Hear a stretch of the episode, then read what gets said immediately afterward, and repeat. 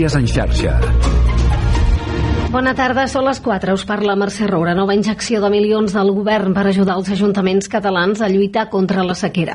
Després de rebre 900 peticions de 700 municipis, l'executiu ha decidit duplicar els diners previstos passant de 90 a 200 milions d'euros. Un govern que en paral·lel ha decidit flexibilitzar algunes de les condicions del pla de sequera. Així, en la fase d'emergència, que podria entrar en vigor a finals de mes, els hotels i balnearis no podran omplir les seves piscines, els ajuntaments podran, sí, finalment, continuar regant els arbres amb aigua freàtica. David Mascort és el conseller d'Acció Climàtica. El Pla Especial de Sequera diu que no es poden regar els arbres només que els monumentals.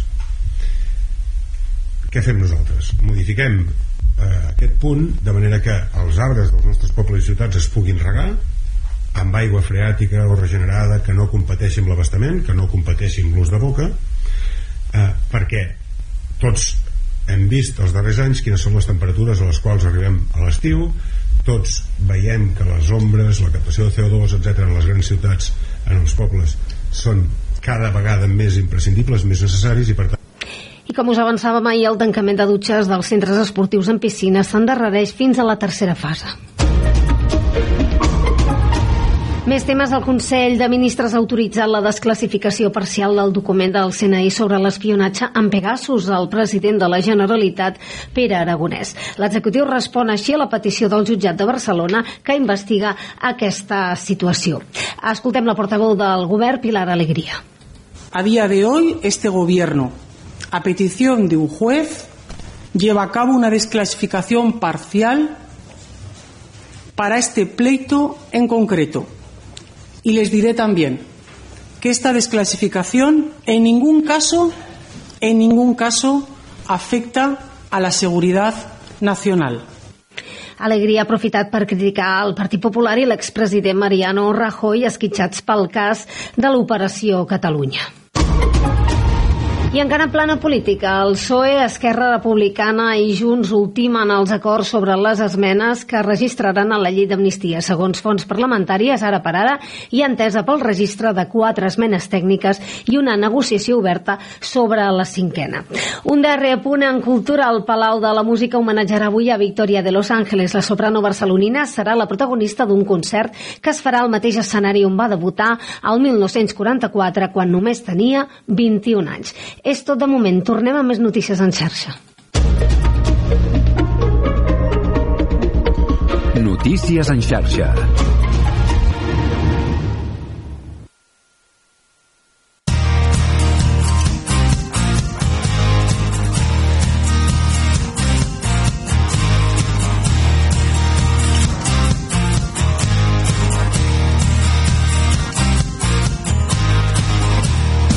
Carrer Major, un programa de ràdio Ciutat de Tarragona, Altafulla Ràdio, Ràdio Montblanc, Ràdio La Selva, Ona La Torre, la nova ràdio de Reus, Ràdio Hospitalet de l'Infant i Baix Camp Ràdio, en col·laboració amb la xarxa de comunicació local.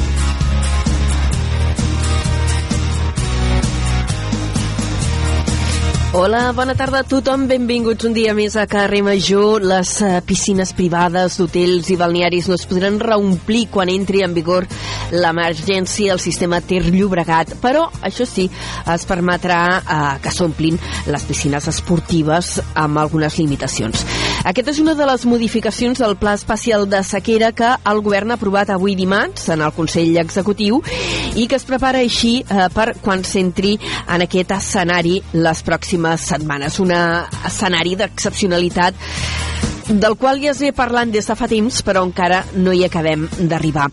Entre altres, l'executiu ha aprovat la redacció, la reducció, volem dir, dels cabals ambientals en els rius Llobregat, Ter i Muga i l'ajornament de la posada en marxa de noves granges i hotels, així com restriccions a les dutxes de les instal·lacions esportives. En la fase 3 de l'emergència, la més restrictiva, gimnasos i clubs esportius han de tancar les dutxes. Això a nivell general, a nivell de Catalunya i sobretot a l'àrea metropolitana de Barcelona, que és la que depèn directament d'aquest sistema d'aigua del Ter Llobregat, les conques internes. Aquí, però, eh, estem preocupats per saber què passa també amb l'aigua de l'Ebre. Avui el GEPEC ha dit eh, que el Priorat eh, no necessita aigua de l'Ebre, com planteja el Departament d'Acció Climàtica, i ha denunciat el que consideren que és una mala gestió per part de la Generalitat, juntament amb la comunitat de regants del pantà de Riu de Canyes. Segons s'han exposat els membres de l'entitat, el Priorat exporta anualment 7 hectòmetres cúbics d'aigua a altres comarques, majoritàriament al Baix Camp, però també empara la Riviera d'Ebre, mentre que el projecte pel Departament d'Acció Climàtica preveu portar-ne més de 4 hectòmetres cúbics de l'Ebre al Priorat. És a dir, que si el Priorat no cedís aigua fora, no caldria que n'hi portessin de l'Ebre. I això eh, pel que fa a gestió de l'aigua. I en clau més política, destaquem que el Consell de Ministres ha acordat, també avui dimarts, la desclassificació parcial de la documentació sobre l'espionatge amb Pegasus al president de la Generalitat, Pere Aragonès, l'any 2000, quan era vicepresident del govern. La desclassificació permetrà conèixer els arguments del jutge que va autoritzar l'espionatge, però no inclou els mètodes ni la documentació del Centre Nacional d'Intel·ligència, el CNI. Per cert, diuen des de Salut que ja s'ha arribat al pic de la grip, o almenys ja s'ha superat, això és el que diuen, que el pitjor d'aquesta epidèmia hivernal eh, ja ha passat jo ja ho he passat també. Encara, encara estic allò amb els últims espatecs i amb molts mocs i ja em disculpareu la veu. Això és Carrer Major, mig empiocats, però hi som com cada dia, cada tarda, a 8 emissores del Camp de Tarragona, fent-vos companyia i explicant-vos les notícies més destacades del territori i de més enllà, si convé, tot l'equip el formem Liri Rodríguez, l'Aleix Pérez, en David Fernández, la Gemma Bufies, la Cristina Artacho, l'Adrià Requesens, en Jonai González, en Pau Carbalan, l'Antoni Mellado, Antoni Mateos, jo mateixa que sóc l'Anna Plaça i el Iago Moreno. Comencem.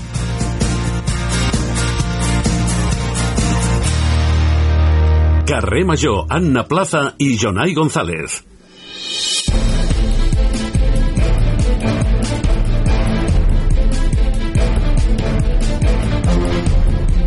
4 i 7 eh, minuts, moment de repassar en forma de titulars les notícies més destacades del dia al Camp de Tarragona. Jonai González, bona tarda. Molt bona tarda.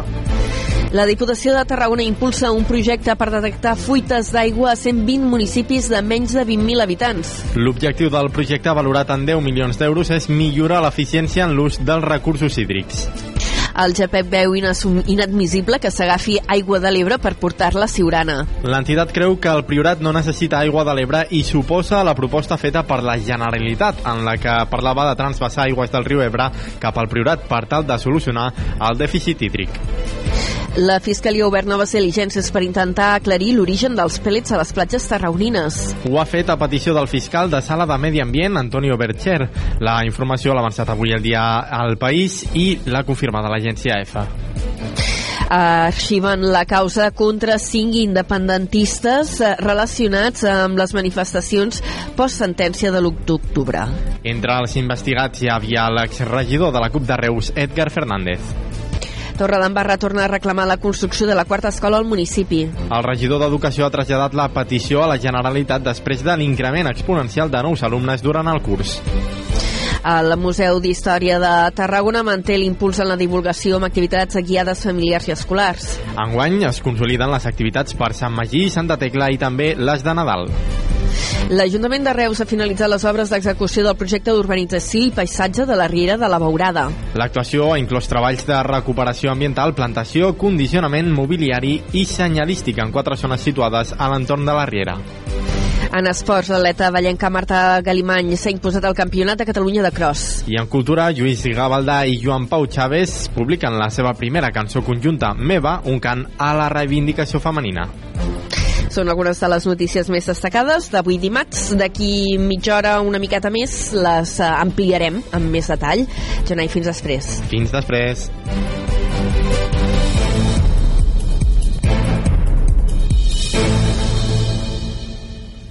Carrer Major. Toni Mateos.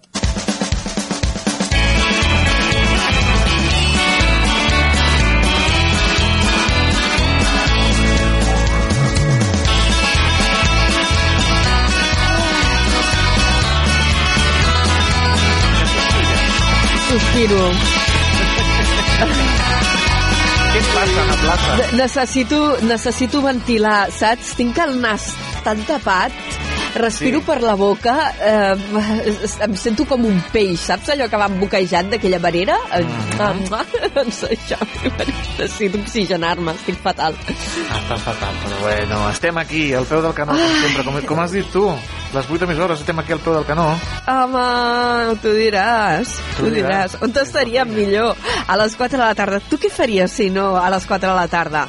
Mira, se m'ocorreixen com a 75 idees A mi millors. Se me n'acudeix una, Una.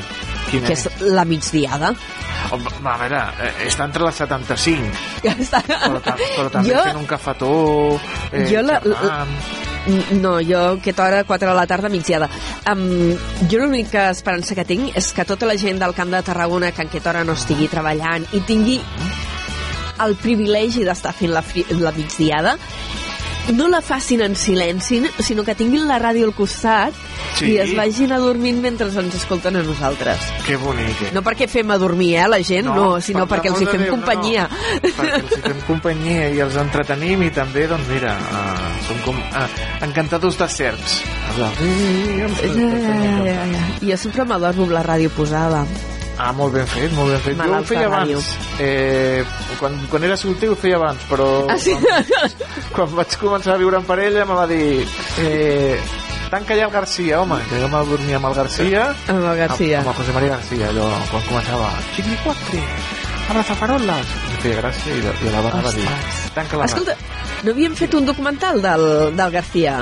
han fet moltes coses. N'hi ha un, n'hi ha un, um, un podcast molt interessant Sí? sobre la guerra entre José Ramón de la Morena i José María García.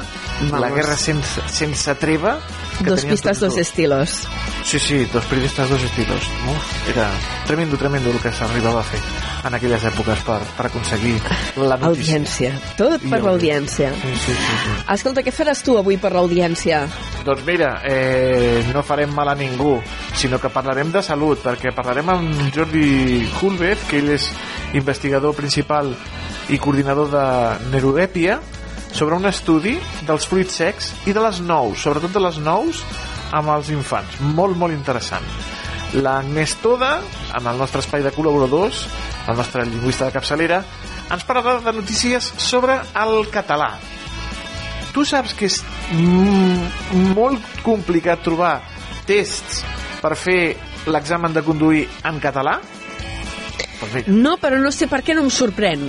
No et sorprèn, no? Allò de No. gire la rotonda, no sé què, en castellà.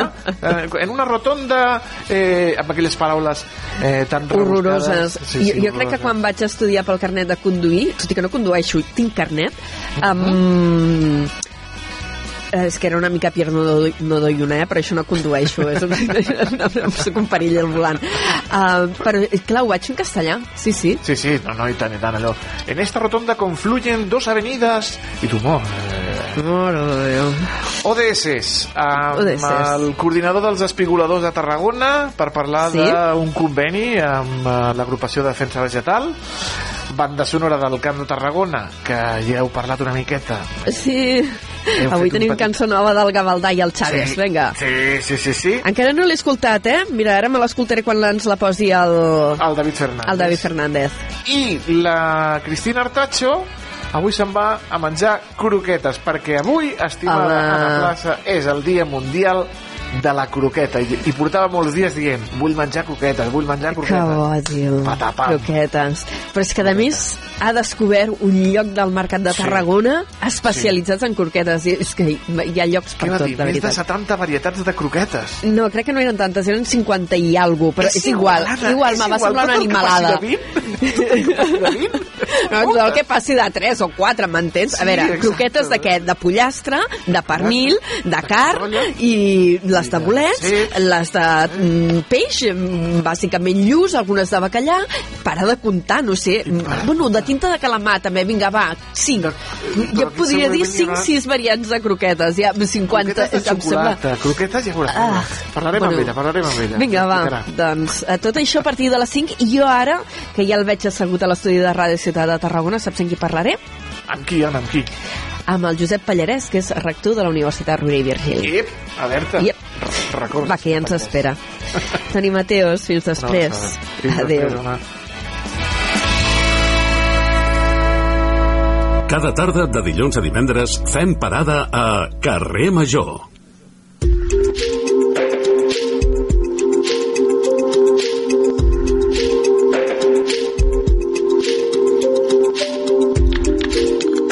És un quart de cinc de la tarda, ja ho deia, jo ja el veig jo assegudet al meu estudi a una a la torre, ja veig assegudet a l'estudi de Ràdio Ciutat de Tarragona el rector de la universitat, en Josep Ballarès, eh, que avui s'ha vingut a compartir una estona amb nosaltres eh, per analitzar la situació de la universitat i per parlar d'algunes qüestions de- d'actualitat que considerem rellevants de compartir amb l'audiència. Senyor Pallarès, bona tarda i benvingut. Molt bona tarda, Anna. Encantat de compartir un ratet d'aquesta tarda al carrer Major amb tots vosaltres. i nosaltres encantades de que, de que hi sigueu. Eh, just un dia, un dia després de que anunciéssiu que la URB i T-Systems han creat una càtedra sobre aplicacions natives del núvol. Què és aquesta càtedra?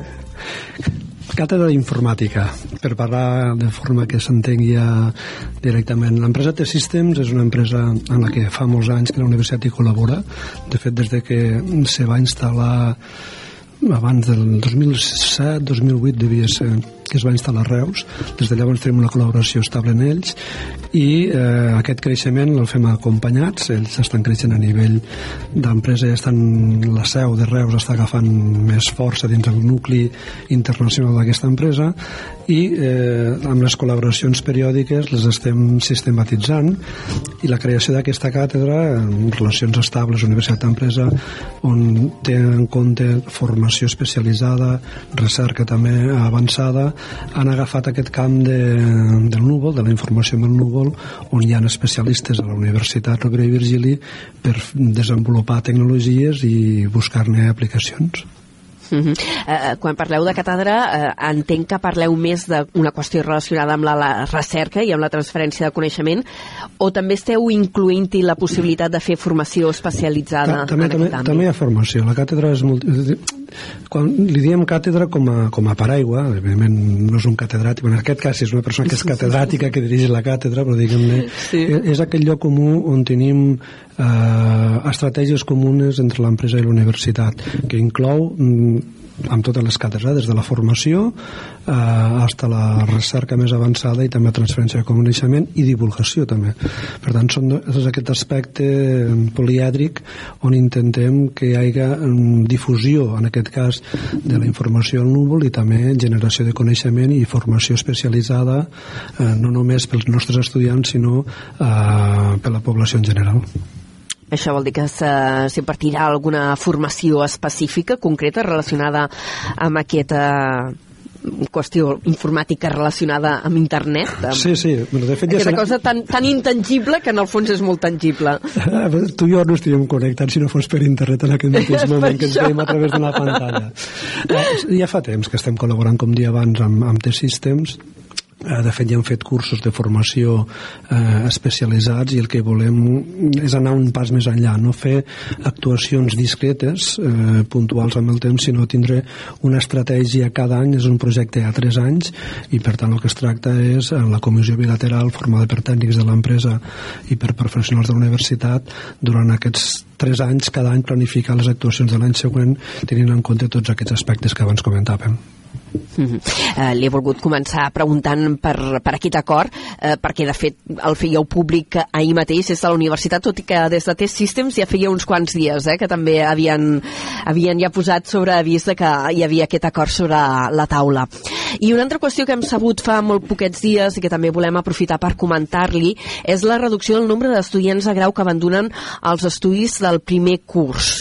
Eh, des de la universitat explicàveu que eh, l'any 2018 es va posar en marxa un pla per intentar frenar aquest abandonament i que eh, en aquests anys, des del 2018 fins ara, s'ha passat del 20% d'alumnes que deixaven els estudis del primer curs al 14%, que encara em sembla un percentatge bastant elevat, però que ja és més, més baix. Sí, eh, l'abandonament universitari és un problema no només de la Rovira i Virgili, és un problema que ens afecta a tot el sistema català i espanyol i al final és la suma de molts aspectes no? que fa que una persona que comença una carrera universitària eh, abandoni? Primer és quantificar i dimensionar aquest abandonament respecte el total d'alumnes que estem que s'estan matriculant.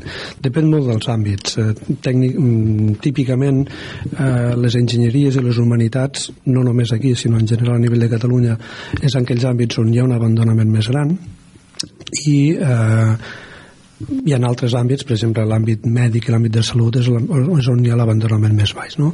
llavors això ens ha portat a, a, a intentar quantificar eh, el per què es dona aquesta situació tenint conscients de que mm, cada persona és un món i que hi ha moltes circumstàncies. Eh, ens donem compte per exemple enguany hem fet èmfasi amb les persones que abandonen per tant diguem que estan, diem abandonament quan fa dos anys que no s'han matriculat a la Rovira i Virgili d'aquella titulació. Uh, per tant sempre estem parlant de dades passades. Clar, per exemple, enguany ens, ens, hem, ficat, ens hem fixat en la, en la part final no? aquelles persones que només els hi falta uh, el treball fi de grau per acabar la carrera. Per tant que ja tenen um, pràcticament 200, més de 220 crèdits fets dels 240 totals de la titulació. I ens hem donat compte que hi ha un, un, un 4% és un 10% de l'abandonament total de la universitat que és molt alt i és un 4% del total d'alumnes que es matriculen d'aquesta assignatura. Què vol dir això? Doncs que hi ha un sector de persones que abans d'acabar la carrera, el grau, ja s'incorporen al mercat laboral i diguem-ne eh, no necessiten el títol universitari per, per fer aquesta inserció no? per tant és un sector que està molt, que està molt sectorialitzat l'abandonament important el 60% del total se dona primer i per això com bé dies abans l'any 2018 se va començar a fer eh, un estudi sistemàtic i un treball intensiu de identificar i de eh, poder reduir aquestes dimensions. Des del 2018 estan ha reduït un 5% i el que hem implementat és un sistema de tutories.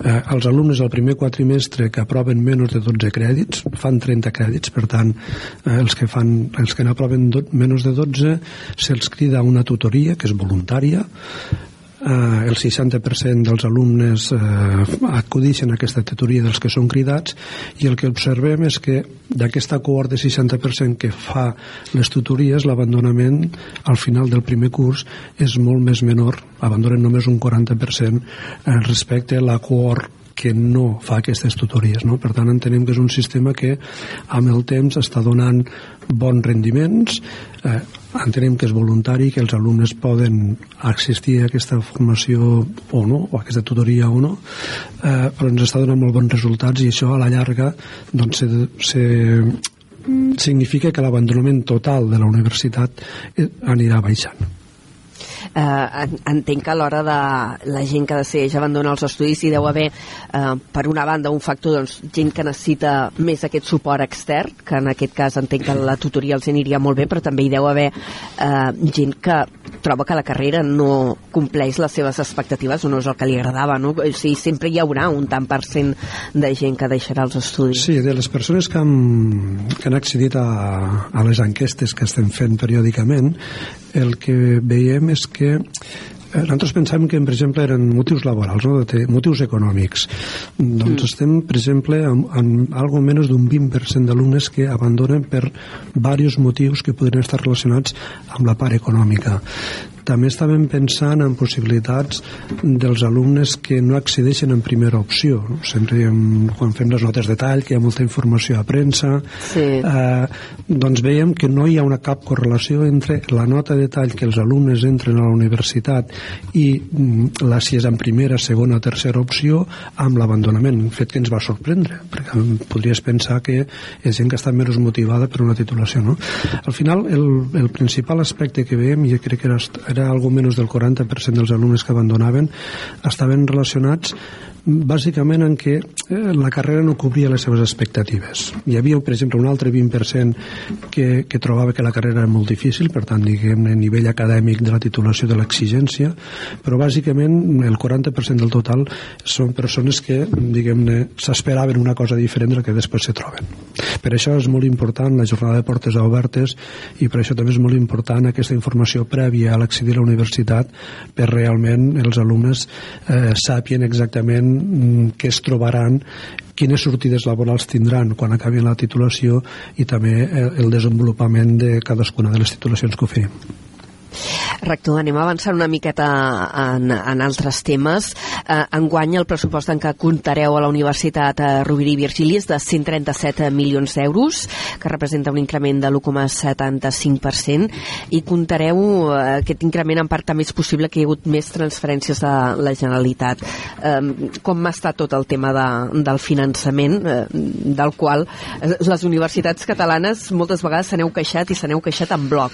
Sí, és un, és un problema endèmic eh, que té el seu origen amb la crisi econòmica l'any 2008 i per tant eh, malgrat la bona voluntat i algunes petites accions que hi ha eh, per part del govern actualment doncs encara hi ha molt de recorregut a fer i per tant diguem, les necessitats acumulades són molt importants eh, jo sempre poso un exemple per a que ens, ens dimensionem no? eh, abans de la crisi els diners que rebia només la Universitat Autònoma de Barcelona eh, per infraestructures és la mateixa xifra que han rebut totes les universitats catalanes públiques el darrer curs acadèmic, 55 milions i això que amb aquest darrer any aquest partit ha incrementat un 10% per tant estem parlant de diguem-ne d'unes necessitats endèmiques que eh, s'estan mm, resolent o s'estan intentant solventar però que encara estem molt lluny del, del punt d'equilibri normal.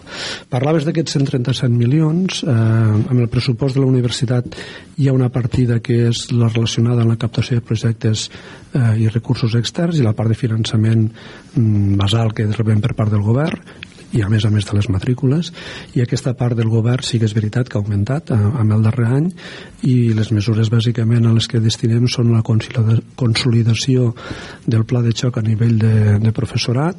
Això representarà per la Rovira i Virgili la incorporació de 75 persones a temps complet en 3 anys. És una molt bona notícia. Eh, feia molts anys des de la crisi econòmica com dia abans que cada vegada cada any teníem menys professors a temps complet i per tant teníem mm. més professorat associat. Aquest aquesta mesura intenta revertir aquesta dinàmica i ens permetrà en 3 anys transformar la docència de, equivalent a 75 professors a temps complet. Això ja ho tenim repartit entre els departaments i els departaments ja poden fer aquesta planificació d'aquesta incorporació. També hi ha una part que es destinarà a, a incrementar eh, el, perso el personal d'administració i serveis. Anem per parts, no? perquè aquesta part del professorat també era un tema que, que li volia introduir per tenir en compte que ja hi ha tota una generació de, de professors eh, que s'està jubilant no? I, i aquest, eh, també hi va haver aquest acord amb, amb la Generalitat per poder fer aquesta mena de programa de relleu amb la incorporació de 75 eh, professors eh, nous al llarg dels pròxims anys. Eh, en quina fase ho tenim? Vull dir, s'estan obrint ja les places o, o com està com s'està fent? Sí, tu he lligat abans a la part econòmica perquè diguem l'increment pressupostari que per, de la Generalitat el destinem a això per tant l'important no són mm. els diners sinó que és l'ús que en fem d'aquests recursos no? quina millor qualitat podem donar als nostres estudiants eh, doncs com diem aquestes 75 places són en 3 anys per tant serà una relació de 25 professors per, per cada curs acadèmic eh, el curs passat el que vam fer va estar a aprovar la distribució d'aquestes places per cada departament per tant eh, cada cada departament ja sap quina planificació pot tindre entre les jubilacions que tindrà i aquestes noves places i eh, ara estem fent la, la primera incorporació. Un cop rebuda la dotació econòmica per part de la Generalitat estem fent ja els primers concursos, els primers d'aquests 25 concursos per incorporar-se eventualment durant el segon quadrimestre d'aquest curs. Serà la primera i això després ho anirem repetint eh, amb 25 places més durant els dos propers cursos. I això es traduirà en un increment de professors o simplement servirà per consolidar gent que estava ja a precari fent classe a la UR? No, serveix per consolidar professorat perquè aquests concursos són públics i per tant se pot presentar mm, qualsevol persona que tinga la, la, la titulació i que compleixi amb els requisits. Eh, de fet, tots aquests concursos eh, tenen una crida internacional ho fem tradicionalment en tots els concursos de professorat on fem la, la màxima difusió perquè el que interessa és captar el màxim de talent Mm.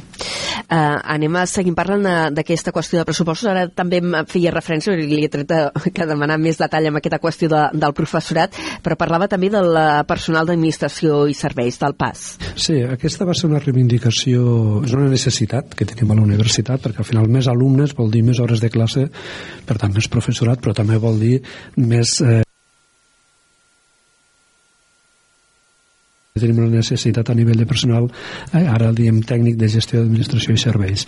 Eh, inicialment amb el pla de xoc de la Generalitat no estava contemplada aquesta figura, des de la Rovira i Virgili vam insistir molt en la necessitat de també de tindre en compte aquesta, de cobrir aquesta mancança que tenim com a sistema i finalment eh, la Generalitat ho, ho, ho va fer seu. Mm, l'import és, és més petit, estem parlant en un cas de, la, de nivell de Catalunya de 30 milions anuals, 10 milions anuals, perdó, durant 3 anys a nivell nivell de, de professorat i 5 milions a nivell de pas però també ens servirà per eh, en aquest cas, en el cas del pas ens servirà per donar resposta a una altra obligació sobrevinguda que és l'aplicació de la nova llei orgànica la LOSU eh, que crea, genera la, la noves necessitats a nivell de personal d'administració i bàsicament aquestes places aniran a cobrir aquestes noves necessitats i procés d'estabilització com està passant amb d'altres administracions en què hi havia un percentatge molt elevat de personals interins eh, una situació que es considerava irregular i que estan fent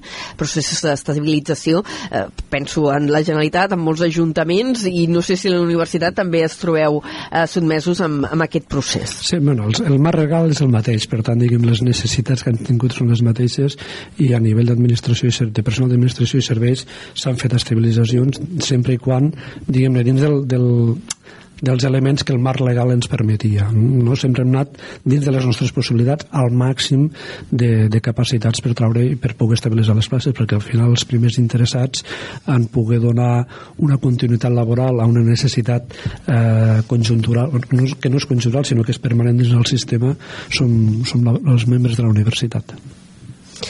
Eh, I el tema de la precarietat, sobretot de personal docent i investigador que encara no ha aconseguit places, de fet temps enrere hi va haver mobilitzacions. Com està tota aquesta situació, rector? A, a nivell de la Rovira Virgili hem tingut demandes, però no ha hagut el nivell de mobilització que ha hagut en altres universitats. És veritat que, com dia abans, pensem que en els darrers anys hem incrementat un 10%, en els 5 darrers anys hem incrementat un 10% el número d'estudiants. Què vol dir això? Doncs que s'ha multiplicat la necessitat de tant com dia abans, tant a nivell de donar classes a nivell de professorat com a nivell de, de gestió pel part del pas i el nombre de persones a temps complet anàvem reduint perquè no tenim aquesta capacitat de poder de ocupar, ocupar aquestes places. Això al final el que ha representat és que eh, s'han anat generant eh, unes eh, necessitats que no es podien cobrir de la forma ideal. A la mesura que tenim aquest pla de xoc, això ens permetrà eh, minimitzar aquest sistema i el que, com diu abans, en crides d'oferta pública a nivell internacional el que pretenem és captar el màxim de talent per poder assegurar la qualitat dels estudis universitaris amb, amb els propers anys. Uh -huh. Ara parlava d'aquest increment del nombre d'alumnes. A, a què l'atribueixen? Eh, es fa difícil, es fa difícil dir perquè hi ha una primera aproximació que sempre dia la cohort, si, si ens fixem amb, amb els alumnes que entren, amb el número d'estudiants que fan les, les proves de selectivitat cada any creixen Vale? Per tant, una primera aproximació seria, bueno, com que hi ha més alumnes que cada any fan la selectivitat, hi ha més alumnes que entren a la universitat, per tant, el número total d'alumnes va creixent. Això seria la primera aproximació i, de fet, és el, la realitat que està passant a casa nostra, la Rovira i Virgili.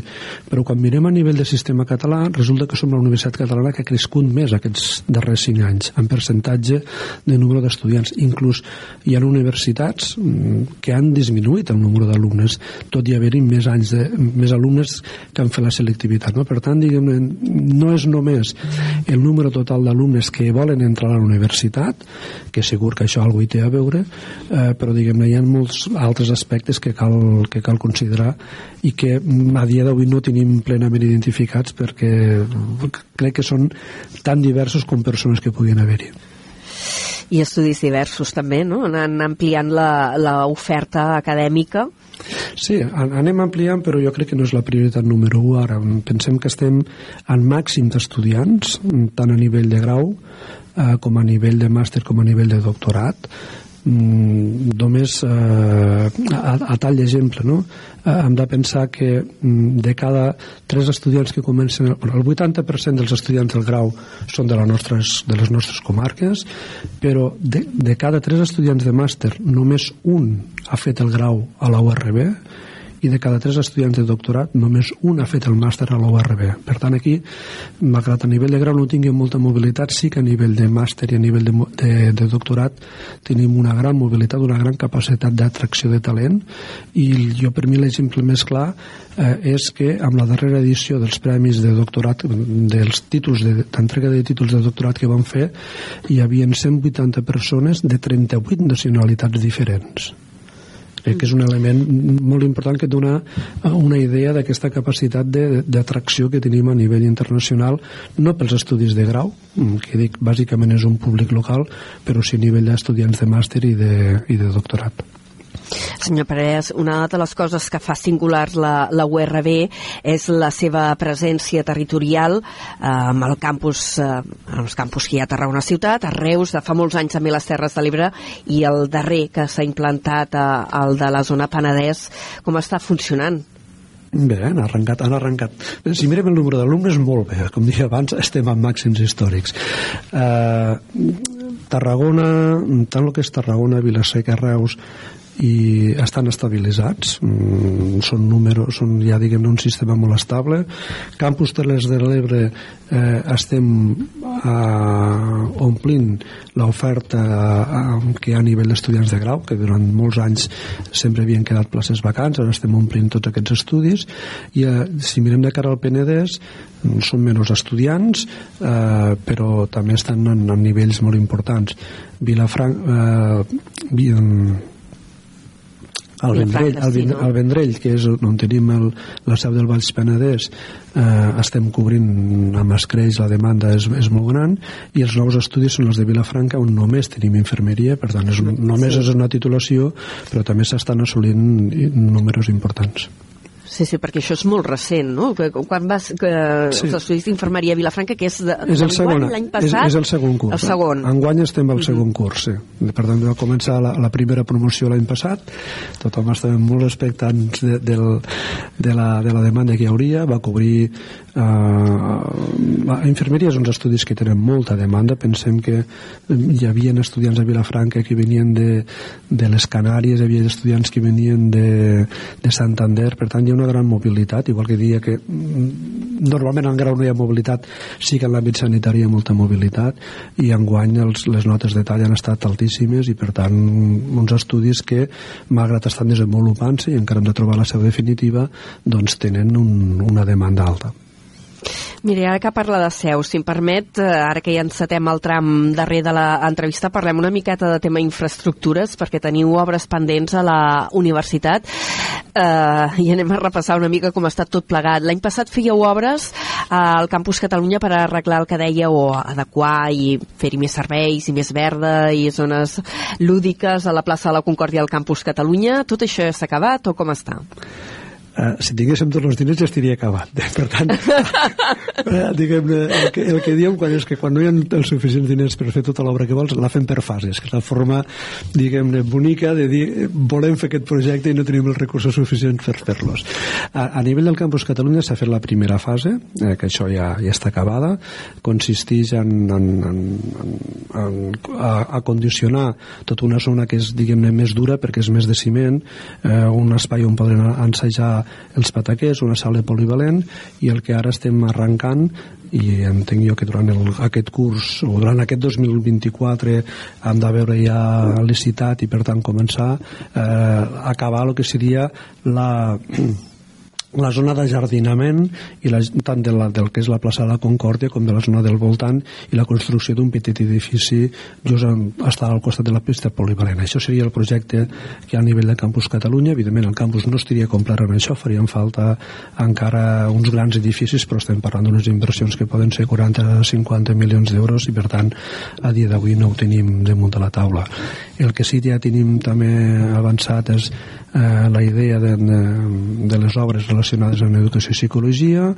A Reus estem eh, treballant a l'Ajuntament per poder començar, això seria la fase preinicial del que seria el projecte de traslladar també de forma modular, per tant en fases, eh, la facultat de, de Ciències de, de, de Medicina, de Medicina. i de la Salut. És un projecte que es va fer un estudi molt preliminar i està valorat en 80 milions d'euros, per tant estem parlant de xifres molt significatives. Pensem que a nivell de sistema català per tot el sistema hi ha 55 milions d'euros, per tant és una obra faraònica en aquesta dimensió, però que tant l'Ajuntament com, com la URB estem diguem-ne capficats i, i treballant perquè de forma modular puguem anar veient aquest projecte fer una realitat.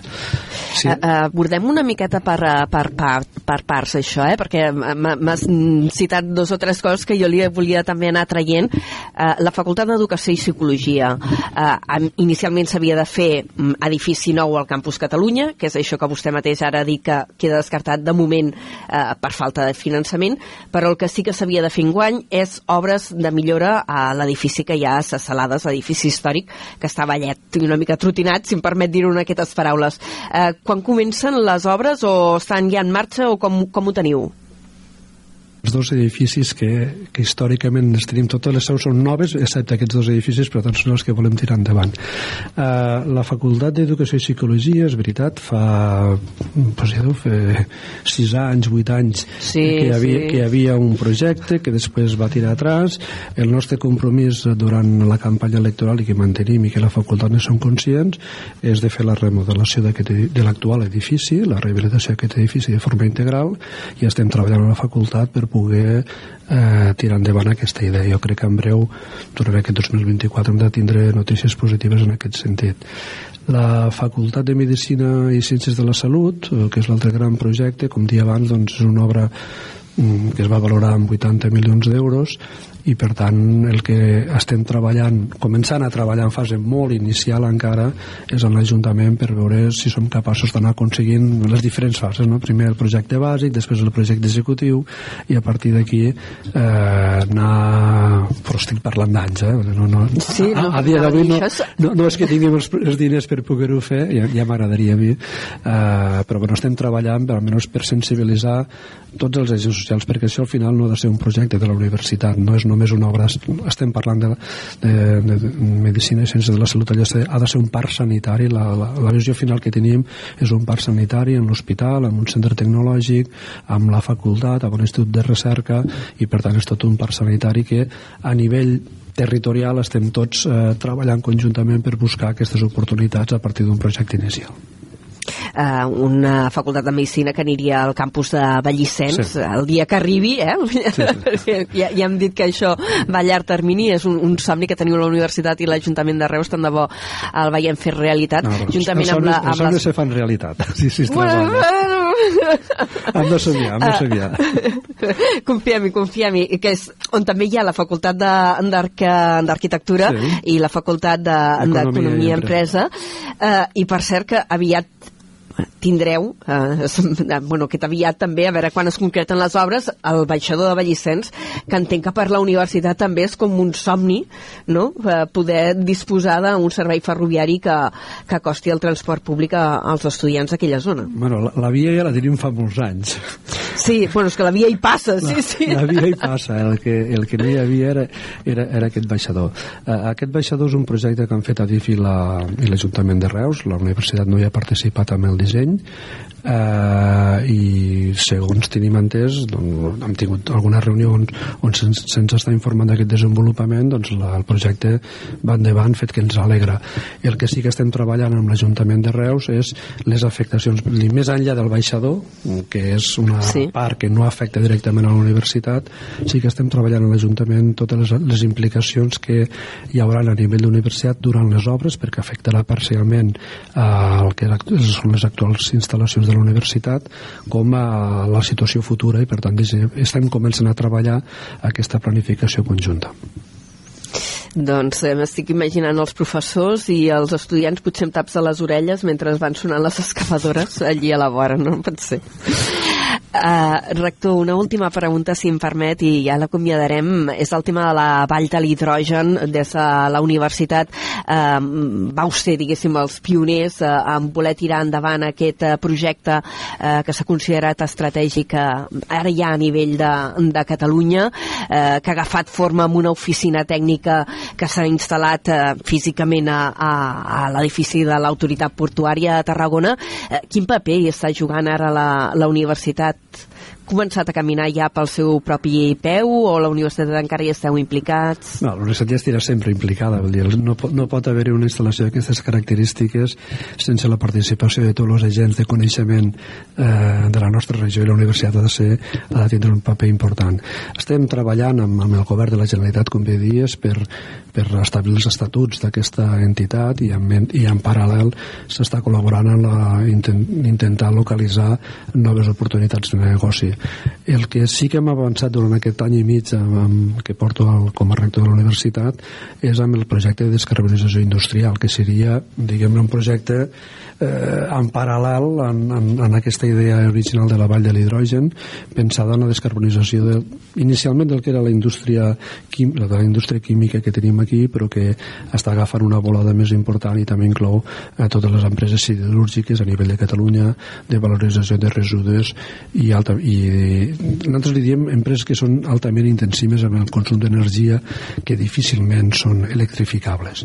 És una, un projecte important que amb els pressupostos de l'any 2023 van tindre una primera aportació per part de la Generalitat de Catalunya en 5 milions d'euros que està gestionant actualment eh, entre ICIC, Eurecat i la Universitat Rovira i Virgili i és un projecte que eh, durant el 2024 ha de tindre eh, ja els primers, els primers elements visibles mitjançant la construcció de les plantes pilot adreçades als diferents sectors industrials. És un projecte... En Entenc que són 5 milions d'euros per un projecte concret de recerca. Uh, són, és la primera fase d'un projecte que en global haurien de ser...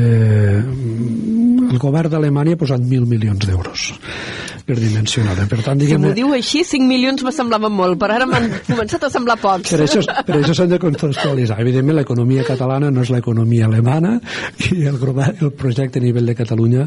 No, jo dic perquè a vegades eh, fem aquesta... Bueno, tenim aquest primer pas i diem aquest primer pas és suficient. No, que és un primer pas de projectes que hem de fer relacionats no de recerca, són projectes preindustrials, per tant, ja en unes tecnologies, en provar unes tecnologies, unes plantes pilot eh, eh, que han de ser per provar unes tecnologies molt properes a la indústria eh, i que s'haurien de fer en seu industrial.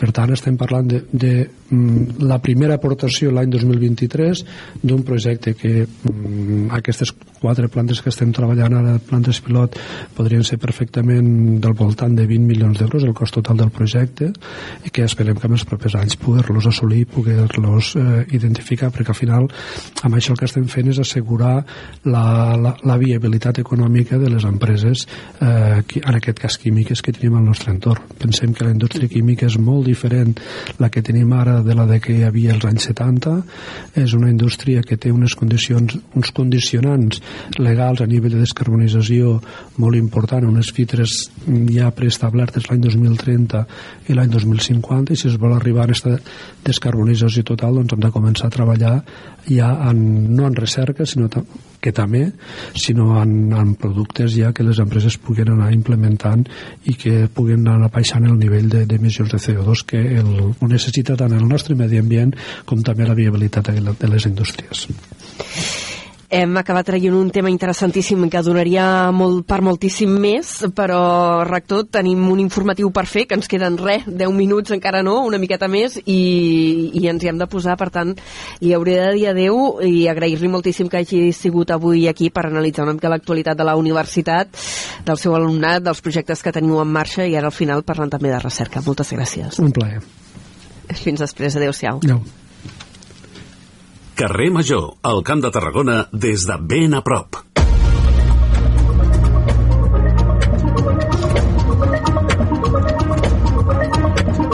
Avui ens hem allargat especialment amb aquesta entrevista amb el rector de la universitat, amb en Josep Pallarès, que ens ha acompanyat en directe a Carrer Major, a aquest programa que fem 8 emissores del Camp de Tarragona. Per és moment d'endinsar-nos, encara que sigui fer una repassada ràpida en l'actualitat de, de la jornada. Avui, centrada també amb el tema de gestió de l'aigua. La Diputació de Tarragona ha anunciat que impulsa un projecte per detectar fuites en 120 municipis de la demarcació de menys de 20.000 habitants. L'objectiu d'aquest projecte, que està valorat en 10 milions d'euros, és millorar l'eficiència en l'ús dels recursos hídrics. La Diputació ha presentat aquest pla específic per conèixer l'existència de possibles fuites d'aigua entre els eh, municipis eh, que es poden veure beneficiats d'aquest projecte. Eh, N'hi ha de dimensions com la Nou del Gaià o la Riera. El projecte valorat en 10 milions pretén millorar l'eficiència, acabar amb problemes com les fuites d'aigua, que en alguns pobles arriba al 40%. Noemí Llaurador és la presidenta de la Diputació. La millora de l'eficiència és una necessitat, és quasi una obligació. Tenim constància fins i tot d'algun cas concret que es pot arribar a perdre fins al 40% de l'aigua en xarxa i fins i tot més. Per tant, és obligat no?, de ser molt més eficients i evitar que hi hagi fuites doncs, a, a la xarxa i, i garantir doncs, que ens adaptem a aquesta situació extrema aquest projecte podria rebre finançament europeu en el marc del PERTE del cicle de l'aigua del Ministeri per la Transició Ecològica. D'altra banda, el JAPEC veu inadmissible que s'agafi aigua de l'Ebre per portar-la a Siurana.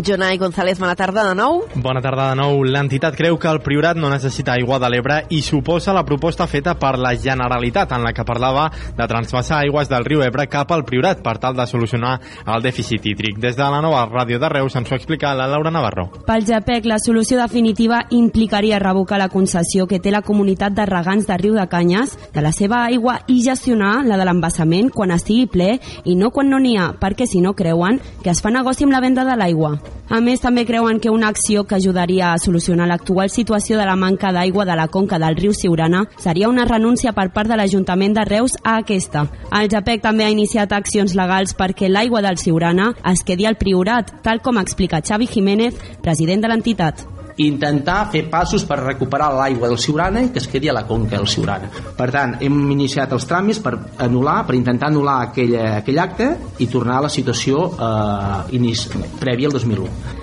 El JAPEC també diu que el Priorat exporta anualment 7 hectòmetres cúbics d'aigua cap a fora dels seus municipis, mentre que la comarca només necessita 4 per abastir-se. La Fiscalia ha obert noves diligències per intentar aclarir l'origen dels pellets a les platges tarragonines. Ho ha fet a petició del fiscal de la Sala de Medi Ambient, Antoni Bercher. La informació l'ha avançat avui al diari El País i l'ha confirmada l'agència EFA. Es dona el cas que Fiscalia ja havia obert dues investigacions als anys 2019 i 2021 que es van acabar tancant en no poder determinar quin era l'origen concret dels pellets. En aquestes dues ocasions les denúncies les havien presentat el Saprona de la Guàrdia Civil i grups ecologistes. El cas ha ressorgit ara arran de l'alarma que ha generat l'ingent aparició de pellets a Galícia. La investigació de Fiscalia se suma a la que té oberta la Generalitat i recordem que el Departament d'Acció Climàtica ha obert expedients informatius a 13 empreses. Per cert, l'ONG Good Karma Projects pioneres en denunciar la problemàtica dels plets a la costa tarragonina i que n'ha fet un seguiment intensiu creu que encara hi podria haver molts més expedients oberts. Un dels fundadors de l'entitat, Jordi Oliva, ha explicat en una entrevista a Carrer Major que han detectat pèrdua de pèl·lets en tots els polígons i empreses del territori en què es produeixen i manipulen aquestes boletes de plàstic. Bé, doncs hi ha, hi ha més de 60 empreses a Tarragona que operen amb els... Eh, o sigui, operen, manipulen, transporten pèl·lets. Llavors, eh, no seria escavallat pensar que seguís ampliant perquè tenim coneixement, o sigui, no hem trobat, no hem sapigut trobar un, ninguna part d'un polígon no, no hem sapigut trobar un lloc on no se'n perdessin. Aquest mes de març, Good Karma Projects presentarà el documental i l'exposició fotogràfica MED 2050 en què han fet seguiment dels pèl·lets al Mediterrani. La majoria dels fons nuclears es destinaran a la generació d'activitat econòmica privada, sobretot a la zona del Penta 1, que engloba els municipis més pròxims a les nuclears d'Escó i Vandellós. La convocatòria dels ajuts, dels nous ajuts, s'obriran a l'abril. Tot plegat s'ha acordat avui en la reunió de l'òrgan de governança dels fons de transició nuclear que s'ha fet a la seu del Consell Comarcal de la Ribera d'Ebre. Gairebé la meitat de l'impost nuclear es destinarà a quatre línies d'impuls de nova activitat econòmica, inversions d'alt impacte al territori, així com la creació i consolidació d'activitat empresarial turística i agrària. També hi haurà una línia d'ajuts per a projectes de lideratge públic. Albert Salvador, delegat del govern a les Terres de l'Ebre. Jo crec que a partir d'avui veiem la llum, avui s'han pres decisions que ens permeten ja eh, canalitzar de manera molt més concreta els recursos dels fons de transició nuclear per este 2024, traure aquell model, si em permeteu, de repartidora entre ajuntaments que era qüestionable que generessin ocupació i en canvi avui ja es decidís que més del 50% dels fons han d'anar eh, per a l'activitat eh, privada. Fa només uns dies es començava a repartir els diners d'un exercici extraordinari que esquitxa equitativament als 97 ajuntaments de les zones nuclears d'Escó o Vandellós. La resta dels recursos es pagaran a final del primer quatrimestre d'enguany han arxivat la causa contra cinc independentistes relacionada amb les manifestacions eh, post-sentència de l'1 d'octubre. Entre els investigats hi havia l'exregidor de la CUP de Reus, Edgar Fernández. Des de la nova ràdio de Reus ens ho explica la Laura Navarro. El jutjat número 3 de Reus arxiva la causa contra cinc independentistes per les protestes que es van fer en contra de la sentència del procés del 14 d'octubre del passat 2019. A dos dels cinc independentistes encausats ja se'ls va arxivar el passat mes de maig, però ha estat ara quan el jutge del cas tanca la causa per a tothom després de dues sol·licituds per part de la defensa i el posicionament de la Fiscalia. Entre els investigats en aquesta causa hi ha l'exregidor de la CUP, Edgar Fernández. En relació amb el comunicat, l'exregidor ha pronunciat a través de les xarxes socials que ho han mantingut des del primer dia. Les cinc causes repressives de Reus van ser un muntatge intencionat dels Mossos i que han insistit des del primer dia que la solidaritat no és delicte i la repressió no els aturarà. Moltes gràcies, Laura. Avui amb aquest informatiu que ens haurà quedat eh, bastant més curt. Apunto diverses eh, notícies en, en format breu. Eh, D'una banda, en clau local, Torredembarra tornarà a reclamar la construcció de la quarta escola al municipi. Ho ha anunciat en declaracions a una a la Torre el regidor d'Educació, que expliquen que han traslladat la petició de la Generalitat després de l'increment exponencial de nous alumnes durant aquest curs, el que es coneix com a la matrícula viva. I d'altra banda, a Reus, l'Ajuntament ha acabat ja les obres eh, d'execució del projecte d'urbanització i paisatge de la Riera de la Beurada. L'actuació ha inclòs eh, treballs de recuperació ambiental, plantació, condicionament mobiliari i senyalística en quatre zones situades a l'entorn de la Riera amb un eh, projecte que ha costat uns 179.000 euros. I en esports, la notícia de la jornada en situa a Valls, on l'atleta Marta Galimany s'ha imposat al campionat Catalunya de Cross. Dit això, tanquem aquesta primera hora del programa. Siento que si tú no estás aquí, se acaba el tiempo, no podremos discutir. Siento que si no vas a venir, nos perderemos ese cielo de Madrid. Mírame y dime la verdad, si todo es real o me tengo que largar. Tanto tiempo duele para mí, tantas historias sin un final feliz. Canciones que solo hablaban de ti y tu perfume que no me deja dormir. Mírame y dime la verdad, si todo es real o me tengo que largar. Y esperando a que vengas a buscarme y cojamos las maletas para podernos marchar. Y esperando a que vengas muy despacio y poder contar los pasos que nos quedan por soñar. Y esperando.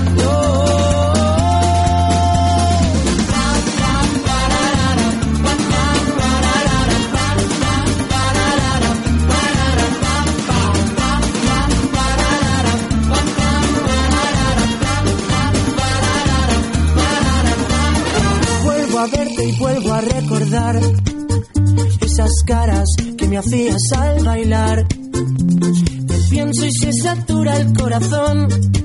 Me encanta verte y no encuentro la razón. Mírame y dime la verdad, si me espero un poco más o me voy marchando ya. y esperando que vengas a buscarme, que cojamos las maletas para podernos marchar esperando a que vengas muy despacio y poder contar los pasos que nos quedan por soñar y esperando. Pa pa pararara pa pa pararara pa pa pararara parara pa pa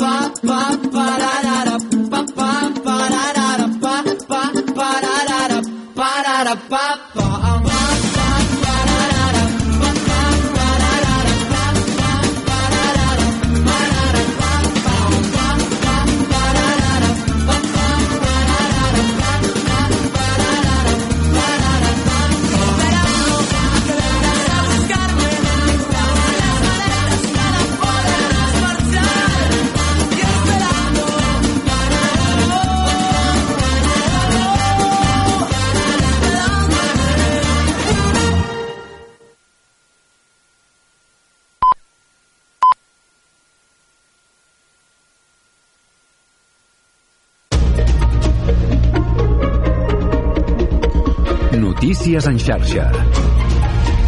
Bona tarda, són les 5, us parla Mercè Roura. Pendents hores d'ara d'aquesta operació contra el terrorisme jihadista que us hem anat informant, els Mossos i la Guàrdia Civil han detingut almenys quatre persones en un dispositiu policial conjunt. Des de quarts a set del matí han fet entrades i escorcolls a Rubí, a Martorell, a Sant Pere de Ribes, al Garraf i també a la ciutat de Mèrida. El nostre company Manel Gómez de Martorell Televisió en té tots els detalls. Bona tarda. Bona tarda, doncs sí, finalitzada ja l'operació a Martorell conjunta de Mossos d'Esquadra i Guàrdia Civil que s'emmarca dins de la lluita del terrorisme contra el jihadisme, amb resultat d'aquí a Martorell d'una persona detinguda. Aquesta operació ha estat ordenada pel jutjat número 6 de l'Audiència Nacional. L'operació hauria impedit que el grup hagués pogut eh, efectuar un atemptat contra un punt encara indeterminat del territori espanyol. Els implicats que estarien en fase de compra de material, armes i explosius. El que sí podem confirmar és que un dels implicats d'origen txetxè ja estaria complint condemna a la presó de Brians. Doncs moltíssimes gràcies, Manel. Continuem amb aquesta informació. Més temes. El Consell de Ministres ha autoritzat la desclassificació parcial del document del CNI sobre l'espionatge en Pegasus al president de la Generalitat, Pere Aragonès.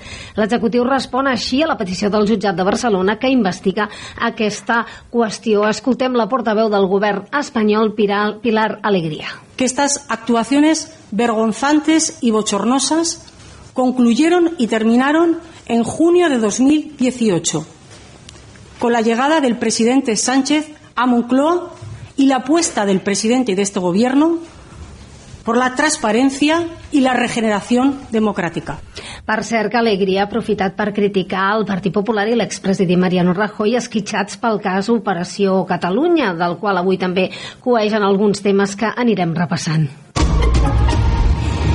Més tema, les darreres dades del Departament de Salut publicades aquest dimarts apunten, com ja va dir ahir el conseller, vam destacar al NEX, eh, que s'hauria superat el pic, de la, el pic de la pandèmia de la grip. Si, si hauria arribat la setmana passada, segons unes dades que mostren un lleu descens del conjunt de les infeccions. I un apunt, sense deixar la crònica de salut, que us hem anat també destacant, el percentatge de fumadors adults ha baixat del 33 al 20% els últims 20 anys arreu del món, segons un estudi de l'Organització Mundial de la Salut i que s'ha publicat avui dimarts i que estima que hi ha 1.250 milions de fumadors adults a 150 països. És tot de moment. Notícies en xarxa.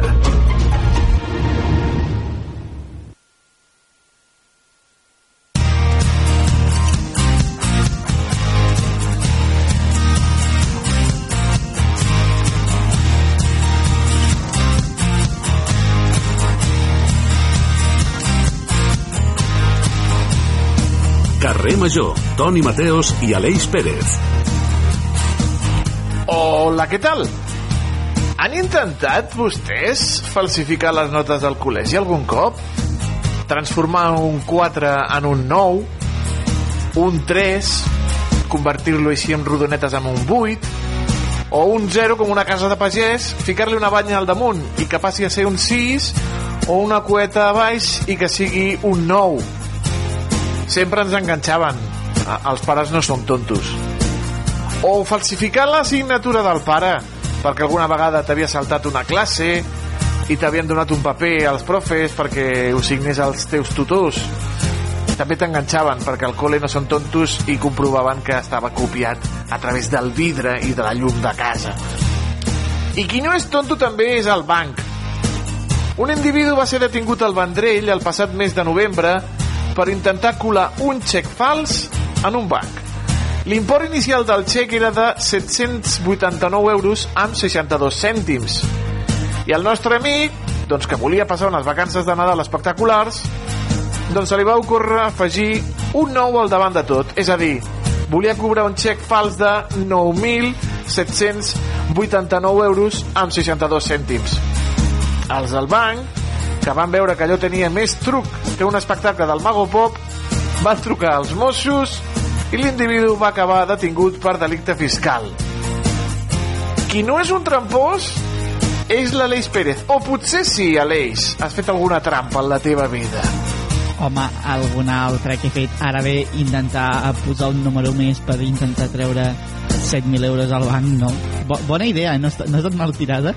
I, Sí, escolta, home, tu, tu fica-li un 1 al davant, al, al, al sou que et paguen a la nova ràdio. Ja veuràs com David Fernández em vindrà. Tira ràpid, eh? No colarà, no? Això vol dir No que si colarà, poses zero no, la no, nòmina no. al final no... no...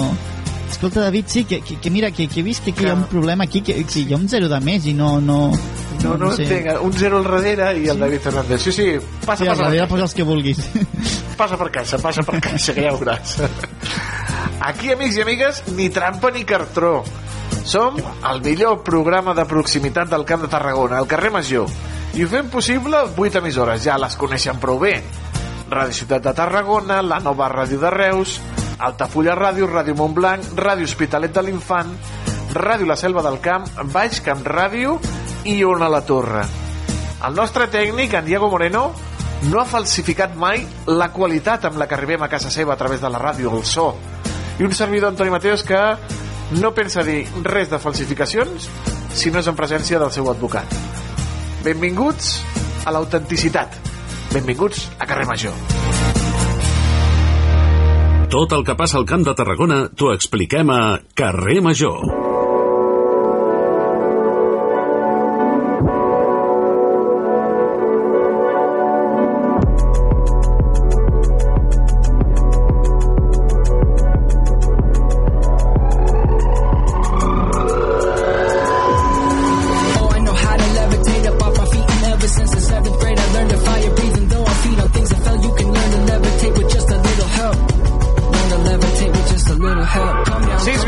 Les 5 de la tarda aquí al carrer Major, ja ho saben, defensem els productes de la terra, defensem el quilòmetre zero. I què millor que els fruits secs del Camp de Tarragona. L'avellana de Reus, per exemple, és un bon exemple de la qualitat dels fruits secs del territori. L'avellana de, de la selva, també. Bueno, I com no, amics i amigues, l'avellana de la selva La Reus una mica millor, eh? Jo n'he provat les dues i no hi ha punt de comparació, Toni, però... La de la... Què? El què? La de Reus molt millor, no? Ai, que t'hauran d'operar del paladar. I parlem de les nous. Un projecte internacional liderat pel grup de recerca de neurociència clínica i epidemiològic de l'Institut d'Investigació Sanitària Pere Virgili volen estudiar la influència dels fruits secs i sobretot de les nous en el desenvolupament dels infants. Hem convidat al senyor Jordi Julvez, investigador principal de l'estudi i coordinador del grup de recerca Neurèpsia del eh, Institut d'Investigació Pere Virgili. El saludem. Senyor Julvez, molt bona tarda. Hola, bona tarda. Em sentiu? Perfectament. Perfectament, Perfectament. Quin, quin és l'objectiu d'aquest estudi, senyor Julvez? Bueno, l'objectiu és saber si, primer de tot, si la dieta durant l'embaràs eh, té un efecte amb el desenvolupament, en aquest cas, de cerebral, inclús amb conseqüències funcionals al llarg de la vida. I pensem que els fruits secs, particularment les anous, podrien tenir un efecte a més a més beneficiós per, pel neurodesenvolupament. O sigui que ja es comença a estudiar des de l'embaràs, o sigui que ja comencen a fer aquest estudi amb dones embarassades, etc. Eh, com continuarà aquesta investigació?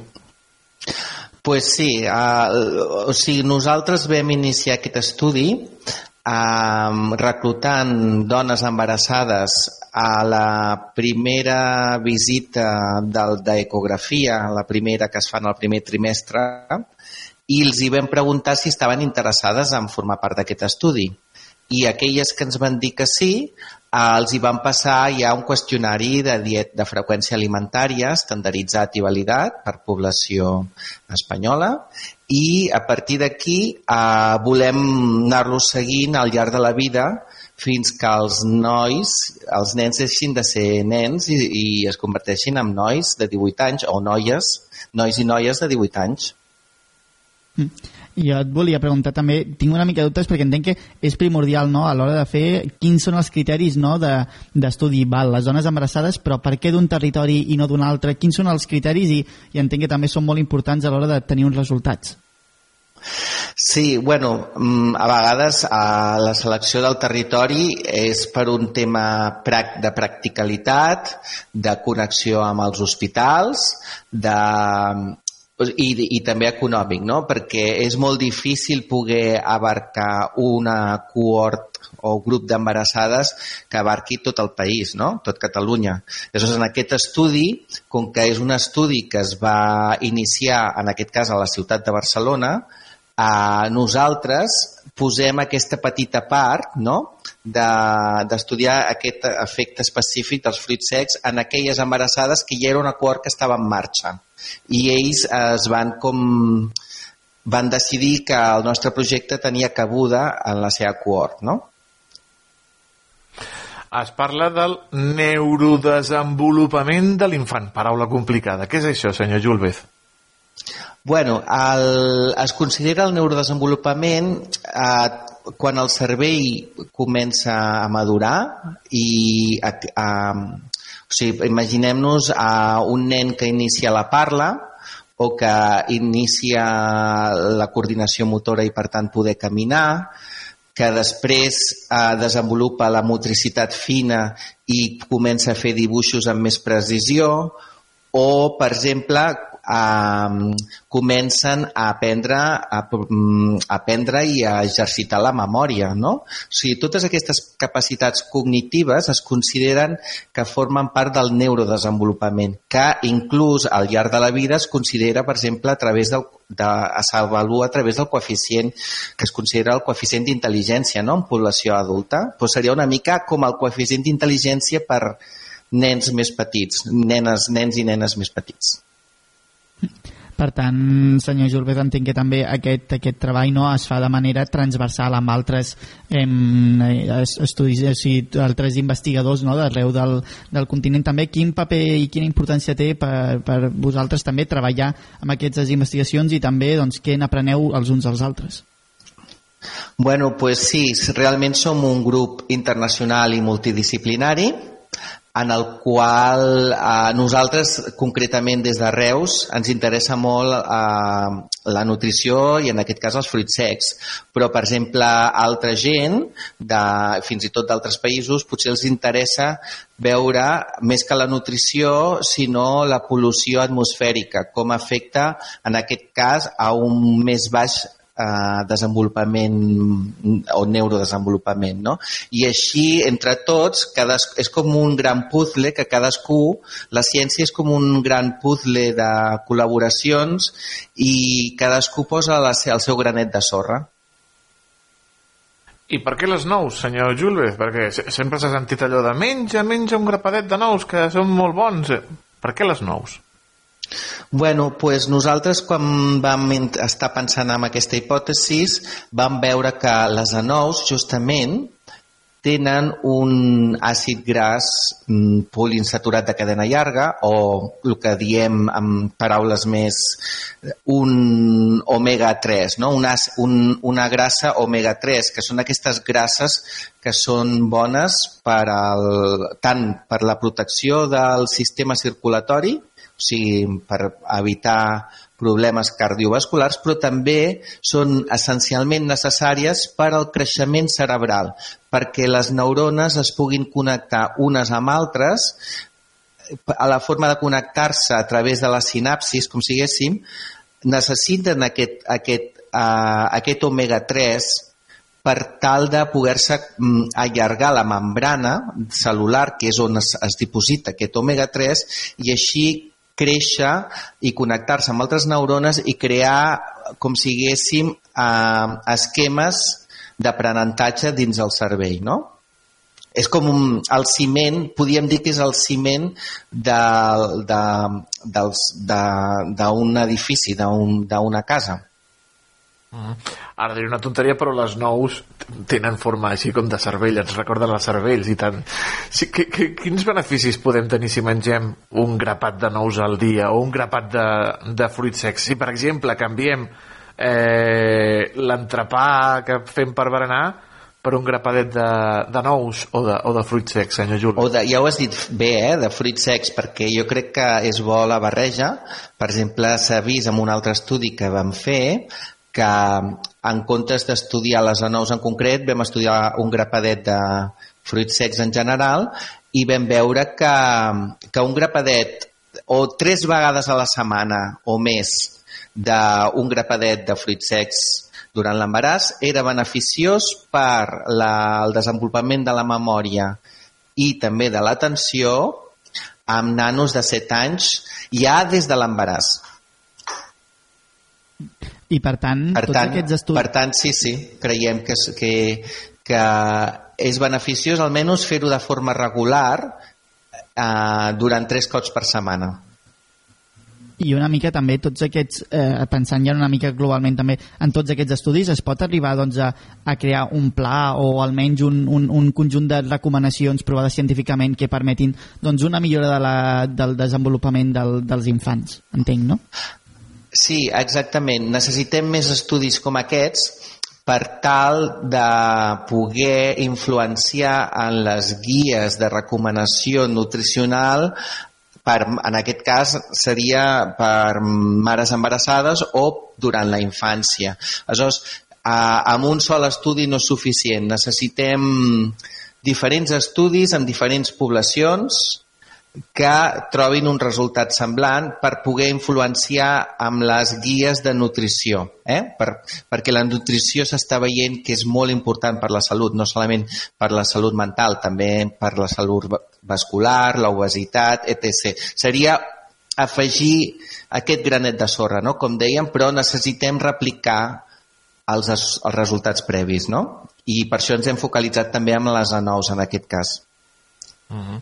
Quan creu que tindrem uns primers resultats? Eh, perquè tinc entès que volen investigar durant l'embaràs, però també anys i anys després. Sí, pues creiem que de cara a l'any que ve potser ja tindríem el primer article uh, perquè ara el que s'està fent són encara estem recollint dades, és, és a dir, encara estem... Ara els nens uh, els estem fent l'avaluació dels 4 anys. Vale? I aleshores, um, durant els pròxims dos anys, estarem avaluant nens, les seves capacitats mentals, el seu neurodesenvolupament als 4 anys de vida. I aleshores, mentrestant, estem ja depurant i corregint les dades recollides durant el període anterior, no? sigui embaràs i primer any de vida. Per tant, potser el primer article sortiria de cara l'any que ve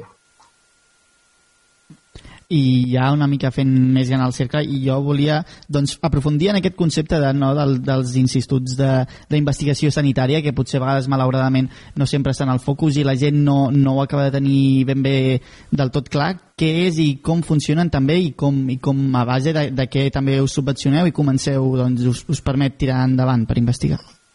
Sí, jo, per exemple, mm, nosaltres recentment, amb un grup de, també de metges de l'Hospital de Sant Joan de Reus i en aquest cas de neuròlegs i neurofisiòlegs, hem creat el grup de neuroèpia.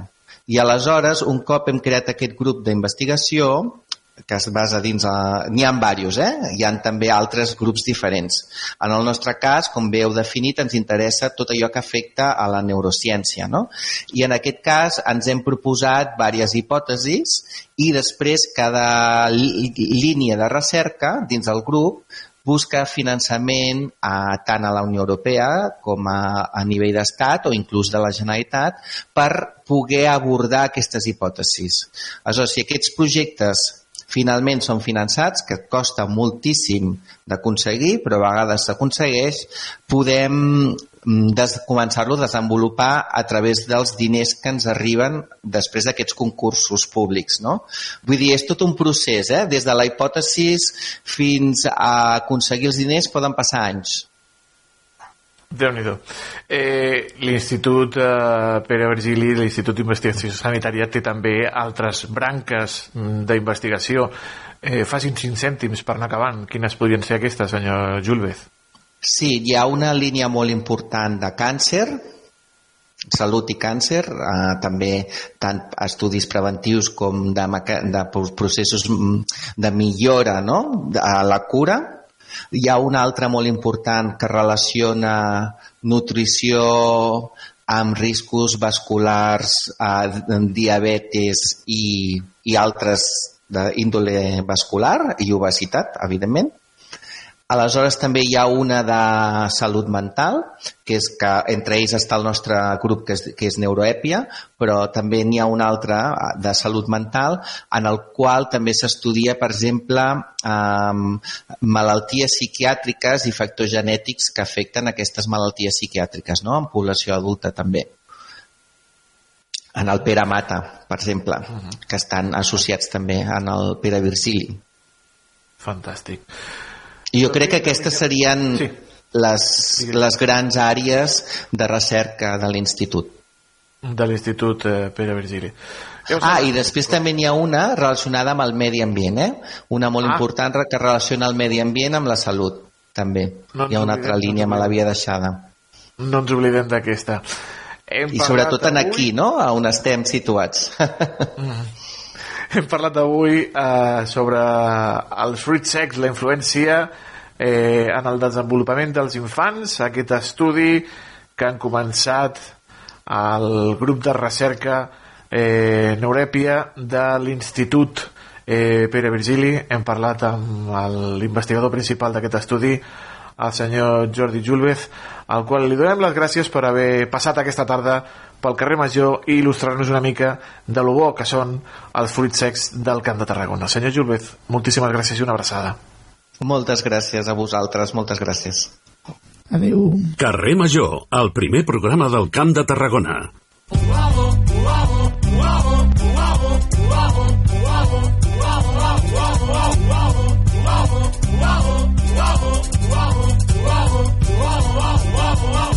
Me sobren paraules agulla fil de...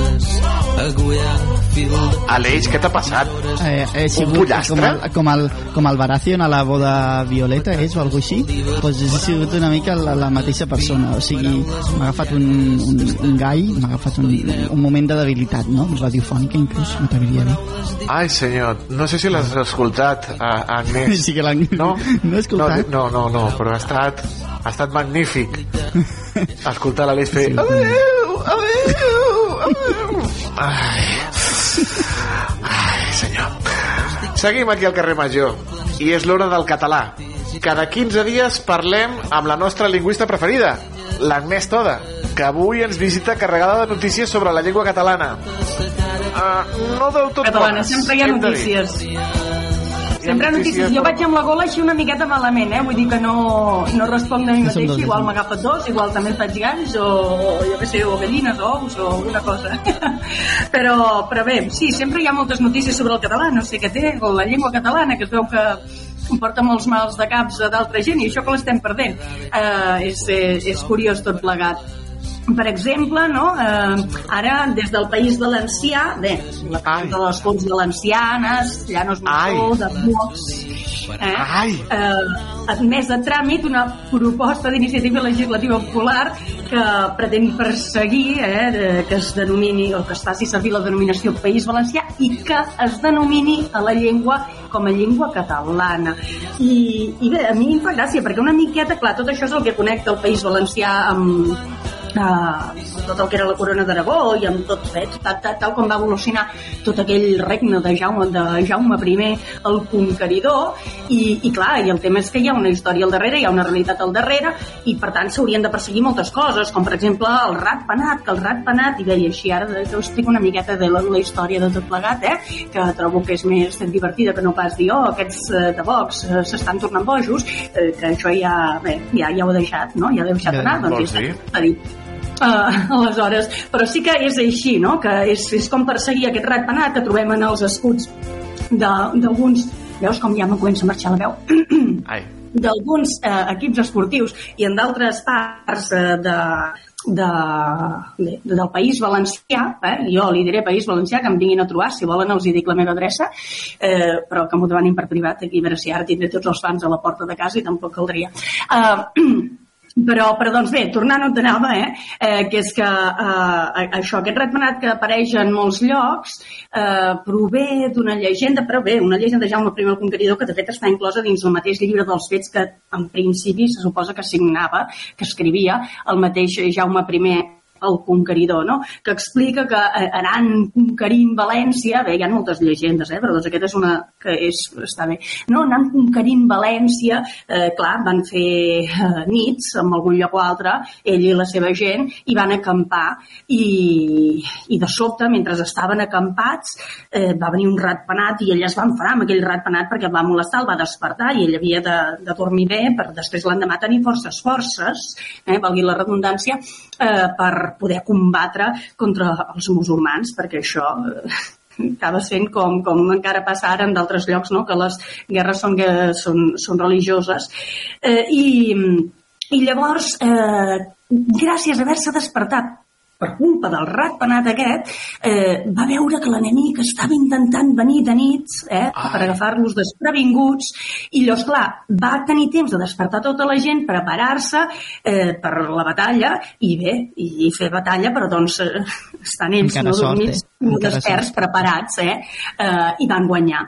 I gràcies a aquesta, a aquesta victòria, llavors Jaume I es fer posar uh, un ratpenat al casc i això ho veiem si més no uh, clar, el Jaume I no el podem veure ara mateix però sí que el, sí que el podem veure en, en alguns uh, gegants eh? hi ha gegants de Jaume I i, i, i, i en alguns casos porta aquest ratpenat uh, al casc i, i clar, i doncs això, aquest ratpenat que també tenen al País Valencià també s'hauria de perseguir, perquè en el, el, el fons, eh, al cap i a la fi, no? al fons, acaba eh, anant en la mateixa línia de tot això doncs, que, que es digui català eh, a la llengua del País Valencià i que es digui mm, valencià i no comunitat valenciana, no? que seria la denominació espanyola, però que això d'entrar a Espanya va ser posterior. No? Ho dic perquè és que a vegades eh, no sé, hi pot haver gent que es pensa, es pensa que tota la vida ha existit a Espanya, Ai. Espanya no ha existit tota la vida, no? I primer que tot, doncs, hi havia això, estàvem tots separadets eh? I, i de mica en mica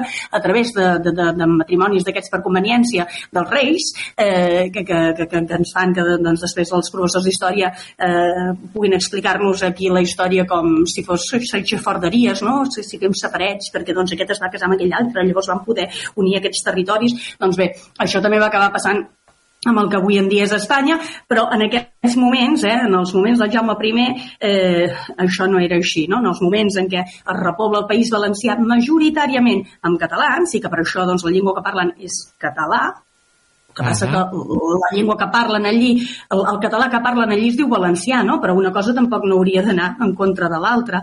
Però clar, sí que és veritat que segons qui governi, eh, això que dèiem al principi, Sí. no? el tema del català és eh, molt, molt És- complicat és- de donar-li Ui, sí, suport i el que és important és allò de divide i t'enteràs, eh? però en canvi nosaltres tenim el, el Ramon Montaner que en la seva crònica, eh, avui parlem de cròniques, parla de la mata de Jonc, que diu una cosa així com que eh, doncs, la unió fa la força, d'acord? Ell el que diu és que una mata de jonc, el jonc és l'herba, no?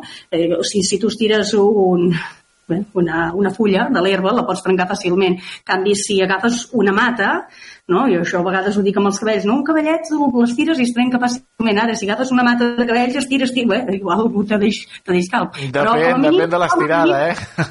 Com a mínim ho té una miqueta més complicat, no? Si vas Sí, un a sí, un és més fàcil. Si agafes la mata eh, és més complicat. I és això, no? La unió fa la força. Eh, Aleshores, eh, eh, hem de vigilar, no? Perquè es va precisament a, al contrari, no? A dividir i venceràs, no volen que hi hagi aquesta unió, aquest contacte, aquesta, aquesta germanor, tot i que també penso que quan hi ha aquesta persecució tan a vegades delirant, no? que, que se, salta, se salta això, aspectes històrics, aspectes lògics i tal, llavors fa que precisament eh, es, propicia més precisament que hi hagi germanor. O hauria de ser així.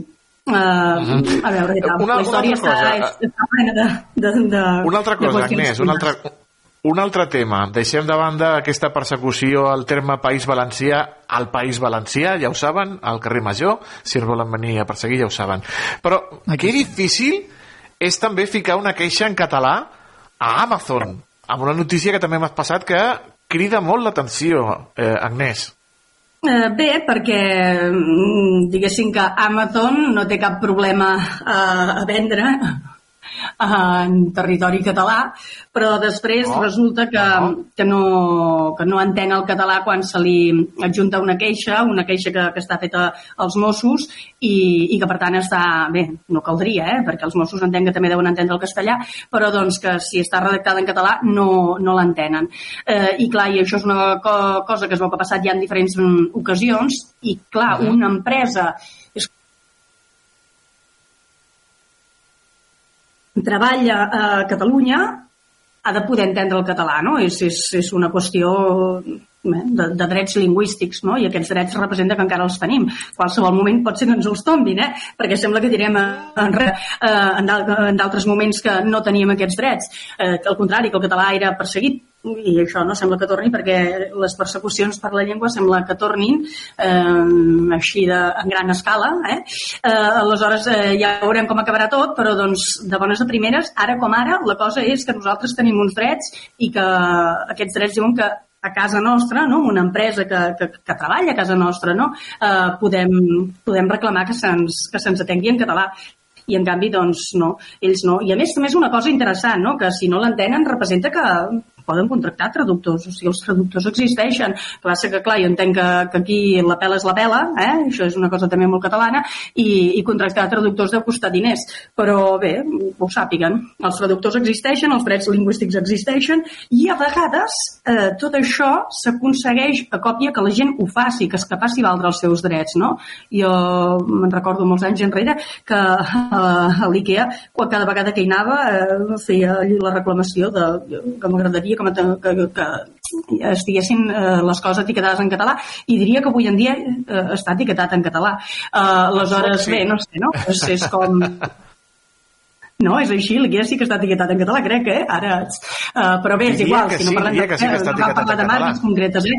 Però ho dic perquè sí que hi ha molts casos en què s'han aconseguit avenços i, òbviament, mm, és perquè hi ha un dret al darrere que t'avala, però hi ha una llei que t'avala, però també perquè la gent es queixa, i no es queixa una sola persona, sinó que se'n queixen més, no? Jo penso que queixar-se mm, també tots nosaltres hem d'entendre-ho com una manera de poder millorar. L'empresa mateixa també ho hauria d'entendre com una manera de millorar. Les queixes no cal que siguin destructives i, oh, que malament que ho fa. No, no, no, ets, senzillament això ho teniu descobert, penseu a cobrir-ho. I aleshores la reacció hauria de ser, ah, doncs molt bé, doncs ja intentarem millorar-ho, no? Ja intentarem eh, que no torni a passar. I en canvi, clar, com que sembla ser que això es repeteix en Amazon, aquest és el problema. Però bé, uh -huh. mm, en deixem constància Poquet a per veure poquet. si es pot resoldre i Ah. esperem que, que per tant, no tot sigui negatiu No, no, no, no, no, no. en aquest àmbit, eh, que, que, que em toca parlar a mi o que parlo jo i que m'ho m'ho dic perquè no és que em toqui oh, quin desastre, sinó que ja, ja m'agrada, ja em va bé. Um, però doncs això, a veure si, si també hi ha notícies positives. Positives. Perquè els joves no parlen No català, malament, tampoc. eh, tot és un desastre, anem perdent la llengua, la llengua es parla malament, eh, què hi farem? Eh, seguir, seguir al peu del canó, això sí. Seria el peu del canó, seria el peu del canó. Cada 15 Què, dies. podem jugar avui? Vinga, va, dos Sí, minutets, mica, un joc, un joc, dos, ràpid. dos minutets. Vinga, va, us dic uh, una pista, d'acord? Avui farem això. Us dic una pista. I a partir d'aquesta pista i unes lletres eh, m'heu de dir a, qui, a què em refereixo. L'esport japonès, i penseu que jugueu els dos, eh? Un contra l'altre. Sí. Sí? Sí, Vinga, Toni contra- contra l'Aleix. Aleix contra Toni. L'esport japonès que suscita més càlculs. Quatre lletres i les consonants són Sumo. una S i una M. Vinga, que és molt El fàcil. sumo. Sí. Ei! Molt bé, veus, jo em torno cada aquí enrovellada, però sí, el sumo. Puntet. Molt bé. Puntet. Doncs, doncs anem a, anem a per un altre, eh, que a veure, a veure, a veure, a veure què, què em surt per aquí. Um, ton, ton, ton, ton, ton, ton, és que estic obrint el document, que no se, no se m'obre. Però si no us en dic un altre, eh? no, no passa res. No passa I res, si ara, tinc temps per, per refer-me de, del...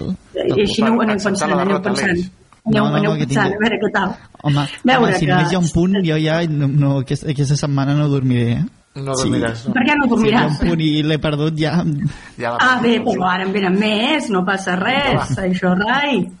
Ja tens que només a passen una vegada. És igual, us en dic, um, us en dic un altre de... Ara, aquí, mira, és que, oh, és que ara, ara se m'obre tot, tu, carai. A veure, us en dic un altre, que diu ultramets, ultramets per tren, d'acord? I es, es tracta de cinc lletres i les consonants són una N i una B baixa. Repeteixo, ultramet per tren. Cinc lletres i les consonants una N i una B baixa. Una N i una B baixa. Ultramet, has dit? Ultramet, mm, sí. Eh, Com ho diria, si canvi, no, així. no, canvi no. Eh? Canvi no, canvi no. No, però si ultramet per tren, com ho diríeu? Ultramet Tramet? per tren. Eh, ho envia per tren, una cosa que s'envia per tren. Doncs, a veure què has dit, què has dit? Envio. Envia. En, envia, envia. Vi- via? Envia. Ah, Envia. Sí, ultramet per tren, envia, que a més és la via per la, que, per la qual passa el tren. En, sí? Ah, envia. Ai, envia ai. Ah, amiga meva. Um, vinga, a veure, més, més. Uh, aquí. Uh, escampa una notícia explosiva. Sí, repeteixo, eh? Escampa una notícia explosiva. I es tracta de set lletres. Escampa una notícia explosiva, set lletres. Les consonants són S, B alta, M, B alta. Us ho podeu anar apuntant. S, B alta, M, B alta. Set lletres. Per tant, faltarien tres vocals. Escampa una notícia explosiva. Es bomba. Vinga, i això ho ha tornat a dir el Toni? Clar que sí. Toni, aquí, No, Aleix, jo la tenia al cap, ho he pensat i he dit no la diré perquè no serà. Doncs has de dir, tu t'has de És que, és que, no, és que el. Toni és una persona que, que ha viscut molt més que jo, no s'hi val això, no, no, ha, ha, vist, ha vist molt més món Sí, del, del amic televisió. sí. Vinga, va, aquest és un que, uh, en certa manera, i això és una pista més, eh, està uh, relacionat amb Nadal, però ara el que us diré ara no hi està vinculat, eh? però la paraula en si sí. Diu, broc del porró que ens trobem a la sopa. I què és? Ah, la home, sopa del el galet. Gal- Veure galet. Ei, encara no havia dit les, les vocals, eh? Anava a És dir igual, és que- Molt bé, molt més, sí, he viscut senyor. molt més que l'Aleix. Molt més de galet, és és molt més galet. avui, és, és pallissa, és com la que el Madrid va fotre el Barça l'altre dia, pallissa. Ai, Déu meu senyor. Ai, Déu meu, ai, Déu meu. A veure, uh, voleu que us en digui més? La última. Ah, Sí, vinga, va. Uh, la última, la última, la última, ja no sé què em falta i què no em falta, eh? Veure, què us puc dir i què no us puc dir. Uh, ta, ta, ta, ta, si no us dic una altra cosa... Ah, no, el cava menys higiènic, aquest és molt fàcil. No us dic res, us dic quatre lletres Brut. i ja està. Brut. Què has dit? Brut. Aleix? Brut, no? Brut. Ei, ei, Va. ei, vinga, va, un per l'Aleix. I no sé quants altres n'hi ha que són pe- increïble. pel Toni. Quantes aportaves, Toni? 3 o 4. Jo, com a 8 o 9. 3 o 8 o 9. Sí, No, a home, no, mínim. 8 o 9. És impossible que em portis 8 o 9. Però com que Bueno, l'última valia per... segur. L'última valia Vinga, per, per doncs, el proper dia sí, més sí, i sí, Aleix, sí, ja, sí, ja et sí, sí, passaré anava per sí, una sí, sí. xuleta. Valia per sí, sí, sí, que ho ha dit, eh? Ho ha dit, ho ha dit. D'acord? Ja està. No, no. Ja ho resoldrem. Agnès, totes, Uh, bé, gràcies. molt bé, molt bé. Ets així, eh? Ets, eh, esteu amb, amb, amb, amb el cap espavilat, eh, Sí, si sí. més no. Molt bé, i amb el català es poden fer coses divertides, xules i... Sempre, I sempre. per tant, En doncs, fem-lo servir, que, és un- que mola, és un que és guai, que ja no sé com es diu això, però doncs que està bé. Estem, estem en gràcies, contacte. Agnès. Una abraçada molt gran, Agnès. Fins la Adéu. propera. Fins la propera, vagi bé Adéu, gràcies. Vagi bé. A vosaltres. Estàs escoltant Carrer Major. Sembraremos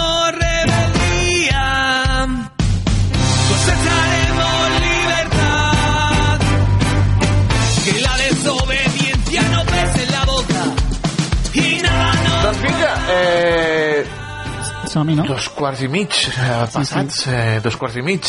Anem amb els ODS, Aleix. Mm, Sí, sí, anem volant als clàssics dels dimarts i dijous als ODS, els Objectius de Desenvolupament Sostenible que va marcar l'Organització de les Nacions Unides per l'any 2030. Una de les entitats que lluita dia a dia per assolir l'objectiu número 12 de producció i consum responsables són els espigoladors. Ara han firmat un conveni amb l'agrupació de defensa vegetal de l'horta protegida del Camp de Tarragona. I tenim amb nosaltres el Dani Martínez, director d'Espigoladors, per parlar-ne. Molt bona tarda. Com estàs, Dani? Hola, molt bona tarda. Doncs molt bé, moltes gràcies. Encantat d'estar amb vosaltres un altre cop. Mm, A, a, a tu per acceptar, com sempre, l'oferta de Carrer Major. Bé, primer de tot, per tota la gent així breument, què, què és Espigoladors? Com, com funciona Espigoladors?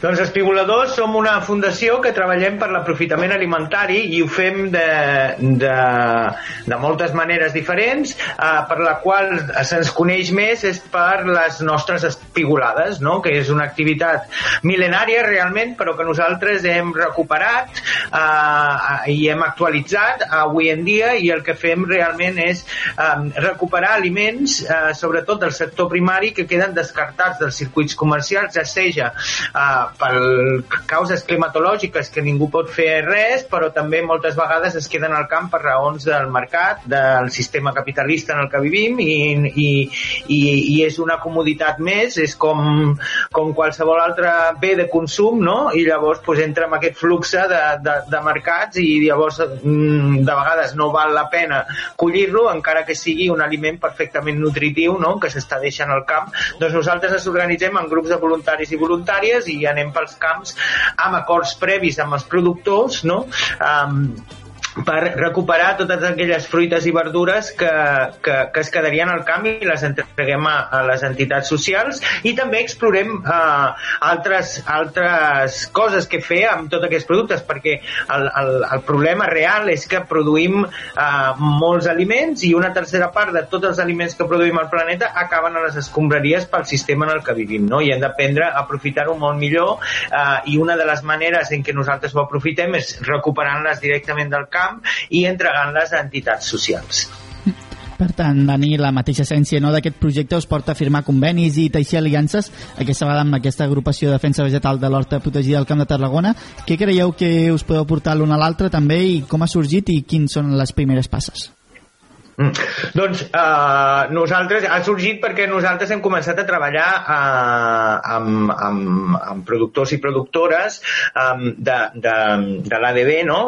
No sé si, si els vostres oients saben tots, eh, una ADB és una associació de defensa vegetal, no? I són una agrupació de productors i productores que uh, amb assessorament tècnic per als seus cultius doncs uh, s'apoyen els uns als altres, uh, fan planificació conjunta de, perquè no tothom estigui produint el mateix producte, inundar el mercat d'aquest producte i llavors que els preus vagin malament, no? En teoria, doncs, eh, són un, agrupacions, en aquest cas, de 28 productors i productores del Camp de Tarragona eh, que produeixen, alguns en ecològic, alguns en integrada, i llavors nosaltres, eh, des de que estem establerts aquí a la província de Tarragona, hem començat a treballar amb alguns socis d'aquesta ADB i arran d'aquestes col·laboracions, doncs nosaltres hem, hem signat un conveni com el tenim signat amb la Unió de Pagesos o amb, el, amb les cooperatives agràries a nivell de Catalunya més grans, no?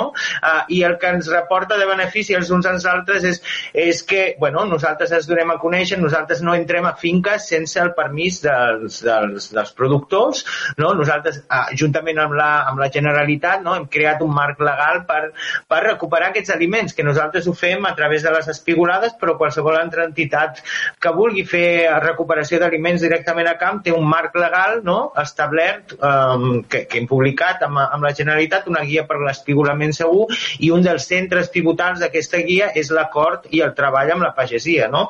Nosaltres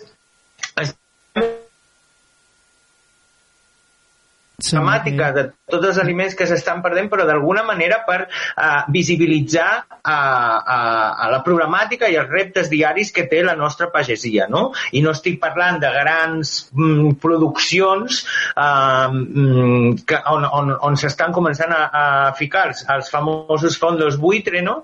Uh, estic parlant de, dels pagesos de tota la vida que han estat al Camp de Tarragona, que que per sort aquí podem produir quasi de tot durant tot l'any no? uh, i que ens dona com a ciutadans i ciutadanes molta resiliència a l'hora de, de, bueno, en el context de canvi climàtic en el que ens trobem i que el futur incert no? que se'ns planteja pel davant doncs tenir un, una, una força pagesa, no? una força agrícola que, que, mm, que és part de la ciutadania no? i que està produint tots els productes que necessitem és essencial i, i el que veiem cada dia és que això s'està perdent perquè els productors i productores al final no arriben a final de mes, no els hi surt a compte perquè des de, inclús des de les institucions europees mateixes que estan promovent aquests objectius de desenvolupament sostenible eh, també estan dient que, bueno, pues que les explotacions han de ser cada vegada més grans, més tecnificades, més, eh, produir més per hectàrea, llavors no? doncs una cosa a vegades no va amb l'altra. No? Sí. Què aportem nosaltres? Doncs aportem intentar visibilitzar tota aquesta problemàtica posant-nos del costat de la pagesia i bueno, eh, intentar ajudar-los a previndre les pèrdues eh, perquè en el cas del, de l'agricultura no és malbaratament alimentari el producte que no ha sortit al camp són pèrdues i són pèrdues alimentàries per la ciutadania però també són pèrdues econòmiques per a, a, a, als productors no? doncs es posem de la seva part i si necessiten doncs perquè sempre passarà no? que ha vingut una setmana de molt de fred que no esperàvem i els espinacs no han crescut el que havien de créixer no? i s'han de passar sí. la següent partida, doncs estarem allà per ajudar-los perdó, a canalitzar mm. aquests, aquests espinacs sí. o, o la verdura i fruita que sigui cap a entitats socials i alhora també estem treballant amb, amb, amb, amb els nostres productors i productores per, sí. per, bueno, per d'alguna manera minimitzar el que es perd i d'una altra manera intentar donar uh, sortida a, a segona vida no, a aquests productes que, que, que de vegades queden sí. descartats. Dani, he estat veient també una mica per la pàgina web que també és molt interessant, convido a la gent a fer-hi una ullada, que també heu fet el projecte aquest de Zitroladors, si no m'equivoco, que va on va el projecte dels Pigoladors aquest 2024, què hi podem esperar? Doncs podem esperar bigger and better, com diuen en, en anglès. Uh, hem fet una petita col·laboració amb WWF, que també estan molt preocupats per el, el malbaratament alimentari a nivell global, no? perquè això no és una problemàtica que tenim nosaltres aquí a les comarques de, de Tarragona, és una problemàtica a nivell mundial. No? Uh, Llavors, eh, amb ells els preocupava molt el que passa amb els cítrics, eh, que és molt fluctuant, perquè en el cas d'aquest any està sent un any bastant bo, no? I, i parlem amb els productors i en general estan bastant contents dels preus, de, de com estan en la collita i tal, però va haver-hi uns anys que la Unió Europea va canviar les polítiques, van deixar entrar algunes taronges de fora de la Unió Europea, nosaltres som el major productor de la Unió Europea de, de cítrics, no? però van deixar entrar taronges i mandarines de, de fora de la Unió Europea on, on els costos de producció són més baixos i a l'hora de vendre el producte poden ser molt més competitius eh, han, durant la temporada que nosaltres tenim cítrics. No? Eh, llavors això va a enfonsar el mercat nacional i va fer que molts pagesos no collissin les seves taronges i mandarines perquè, perquè no els hi sortia a compte, perquè, perquè perdien diners si anaven a collir el seu producte, no?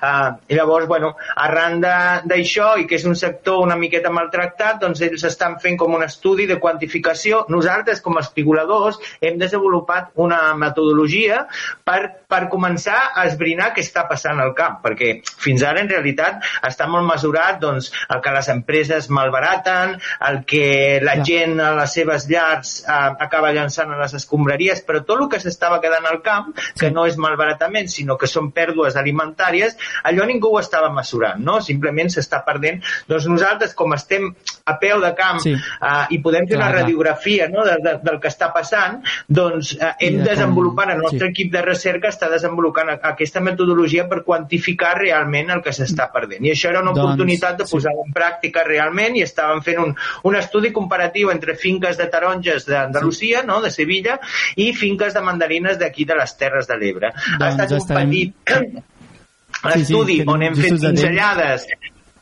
i, i hem, hem reunit els nostres productors, hem tret unes conclusions inicials i eh, la idea seria expandir aquest producte i fer-ho extensiu doncs, a, tota la, la, a tota la indústria del cítric Sí, eh, a doncs- nivell nacional. Doncs estarem molt atents, Dani Martínez, moltíssimes gràcies, com sempre, pel teu temps i Teniu per un venir a explicar... més, que- teniu un A parell de sí? minutets més per parlar-vos No, d'un altre projecte superinteressant? Ho sento, El parlarem un altre dia, el- si no t'importa, sí, Dani. Un altre dia sí que vindrem i Bueno. farem també. Doncs Una Divendres recollim les taronges amargues de Torredembarra. Vinga, som Doncs apuntat. Genial, moltíssimes gràcies. Vagi bé. De res, moltíssimes gràcies a vosaltres. Adéu. La proximitat del Camp de Tarragona. Carrer Major. Ràpid, ràpid, mm, anem amb la banda sonora. El que sona de fons ens ho explica David Fernández, des de la nova ràdio. David, bona tarda. Hola Toni, hola Aleix, molt bona tarda. Avui us portem una estrena d'una proposta que m'imagino que més o menys heu reconegut. Aquesta veu és inconfundible, efectivament és la veu del Lluís Gavaldà, i aquesta cançó no pertany pas als Pets, sinó que en Lluís Gavaldà, conjuntament amb el teclista de la banda, el músic Joan Pau Chaves, s'estrenen discogràficament justament avui, aquest dimarts, amb aquesta cançó, es diu Meva, i ells diuen que és un cant lluminós a l'empoderament femení. Ja sabeu que els Pets van dir que aquest any no feien gira i per això doncs, el Lluís Gavaldà conjuntament amb el Joan Pau Chaves donaran sortida en aquest projecte que van començar ara fa uns quants anys en el qual rescataven cançons dels Pets en format acústic i ara, pel que es veu, doncs, també estrenaran noves composicions com aquesta. Això es diu, com dèiem, Meva, diuen que és un cant lluminós i decidit a l'empoderament femení i al mateix temps una denúncia a les relacions tòxiques i asfixiants. Ens expliquen que es tracta d'una lletra d'en Lluís plena de sensibilitat i empatia, embolcallada per la melodia càlida i melangiosa d'en Joan Pau Chaves. Una estrena doncs, que serveix per iniciar la gira del 2024 que faran aquests dos músics, anomenada Sona la cançó, que, i que es basa en el llibre que va publicar el Lluís ara fa un parell d'anys. Anuncien també els primers concerts. De fet, van estar a Barcelona, els tindrem d'aquí uns dies a Andorra, el dia 1 de març al Morell i el dia 23 de març a l'església de Sant Francesc de Montblanc. Per tant, si els voleu veure, apunteu aquestes dues cites d'aquí del Camp de Tarragona. Avui, doncs, aquesta estrena discogràfica de Lluís Gavaldà i Joan Pau Chaves, que ja podeu trobar a totes les plataformes, és la banda sonora del dia del carrer Major. Doncs moltes gràcies, David Fernández. I nosaltres, després de la banda sonora, a la furgoneta. A la furgoneta, parlant de reaprofitament, doncs les croquetes. Mmm, cuina de reaprofitament. Amb la Cristina Artacho, que està per ahí menjant croquetes. La saludem, Cristina. Bona tarda. I benvinguts aquí un dia més a la Furgó, una entrevista que avui em fa moltíssima il·lusió perquè, pels que encara no ho sàpiguen, avui és el Dia Mundial de la Croqueta i jo, que m'encanten les croquetes, no podria perdre l'oportunitat de dedicar-li una Furgó en aquest menjar que jo crec que ens agrada pràcticament a tothom. Llavors, sóc al Mercat Central de Tarragona i aquí al costat m'acompanya l'Oriol Ribot, que és el propietari de la cancel·laderia Albert Ribot, que és una de les parades del mercat. Oriol, a la parada teniu moltes coses, és una cancel·laderia, però sobretot avui venim a parlar de les croquetes. Teniu croquetes aquí? Sí, tenim un, unes quantes varietats de croquetes, sí. Quines varietats teniu? Mm, M'has comentat que teniu a part moltes receptes també.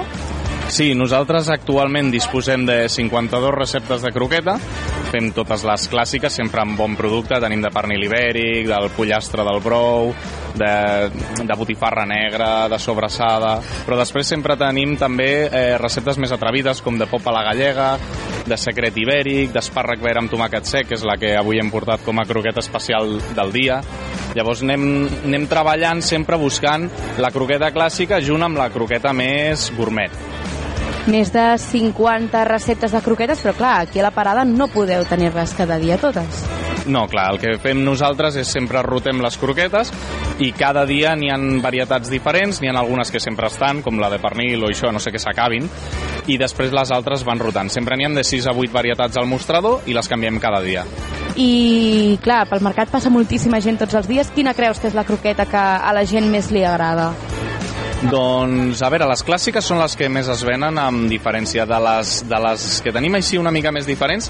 La de popa la gallega és una de les que crida molt l'atenció i que la gent agafa molt i, i que acostuma a repetir molt.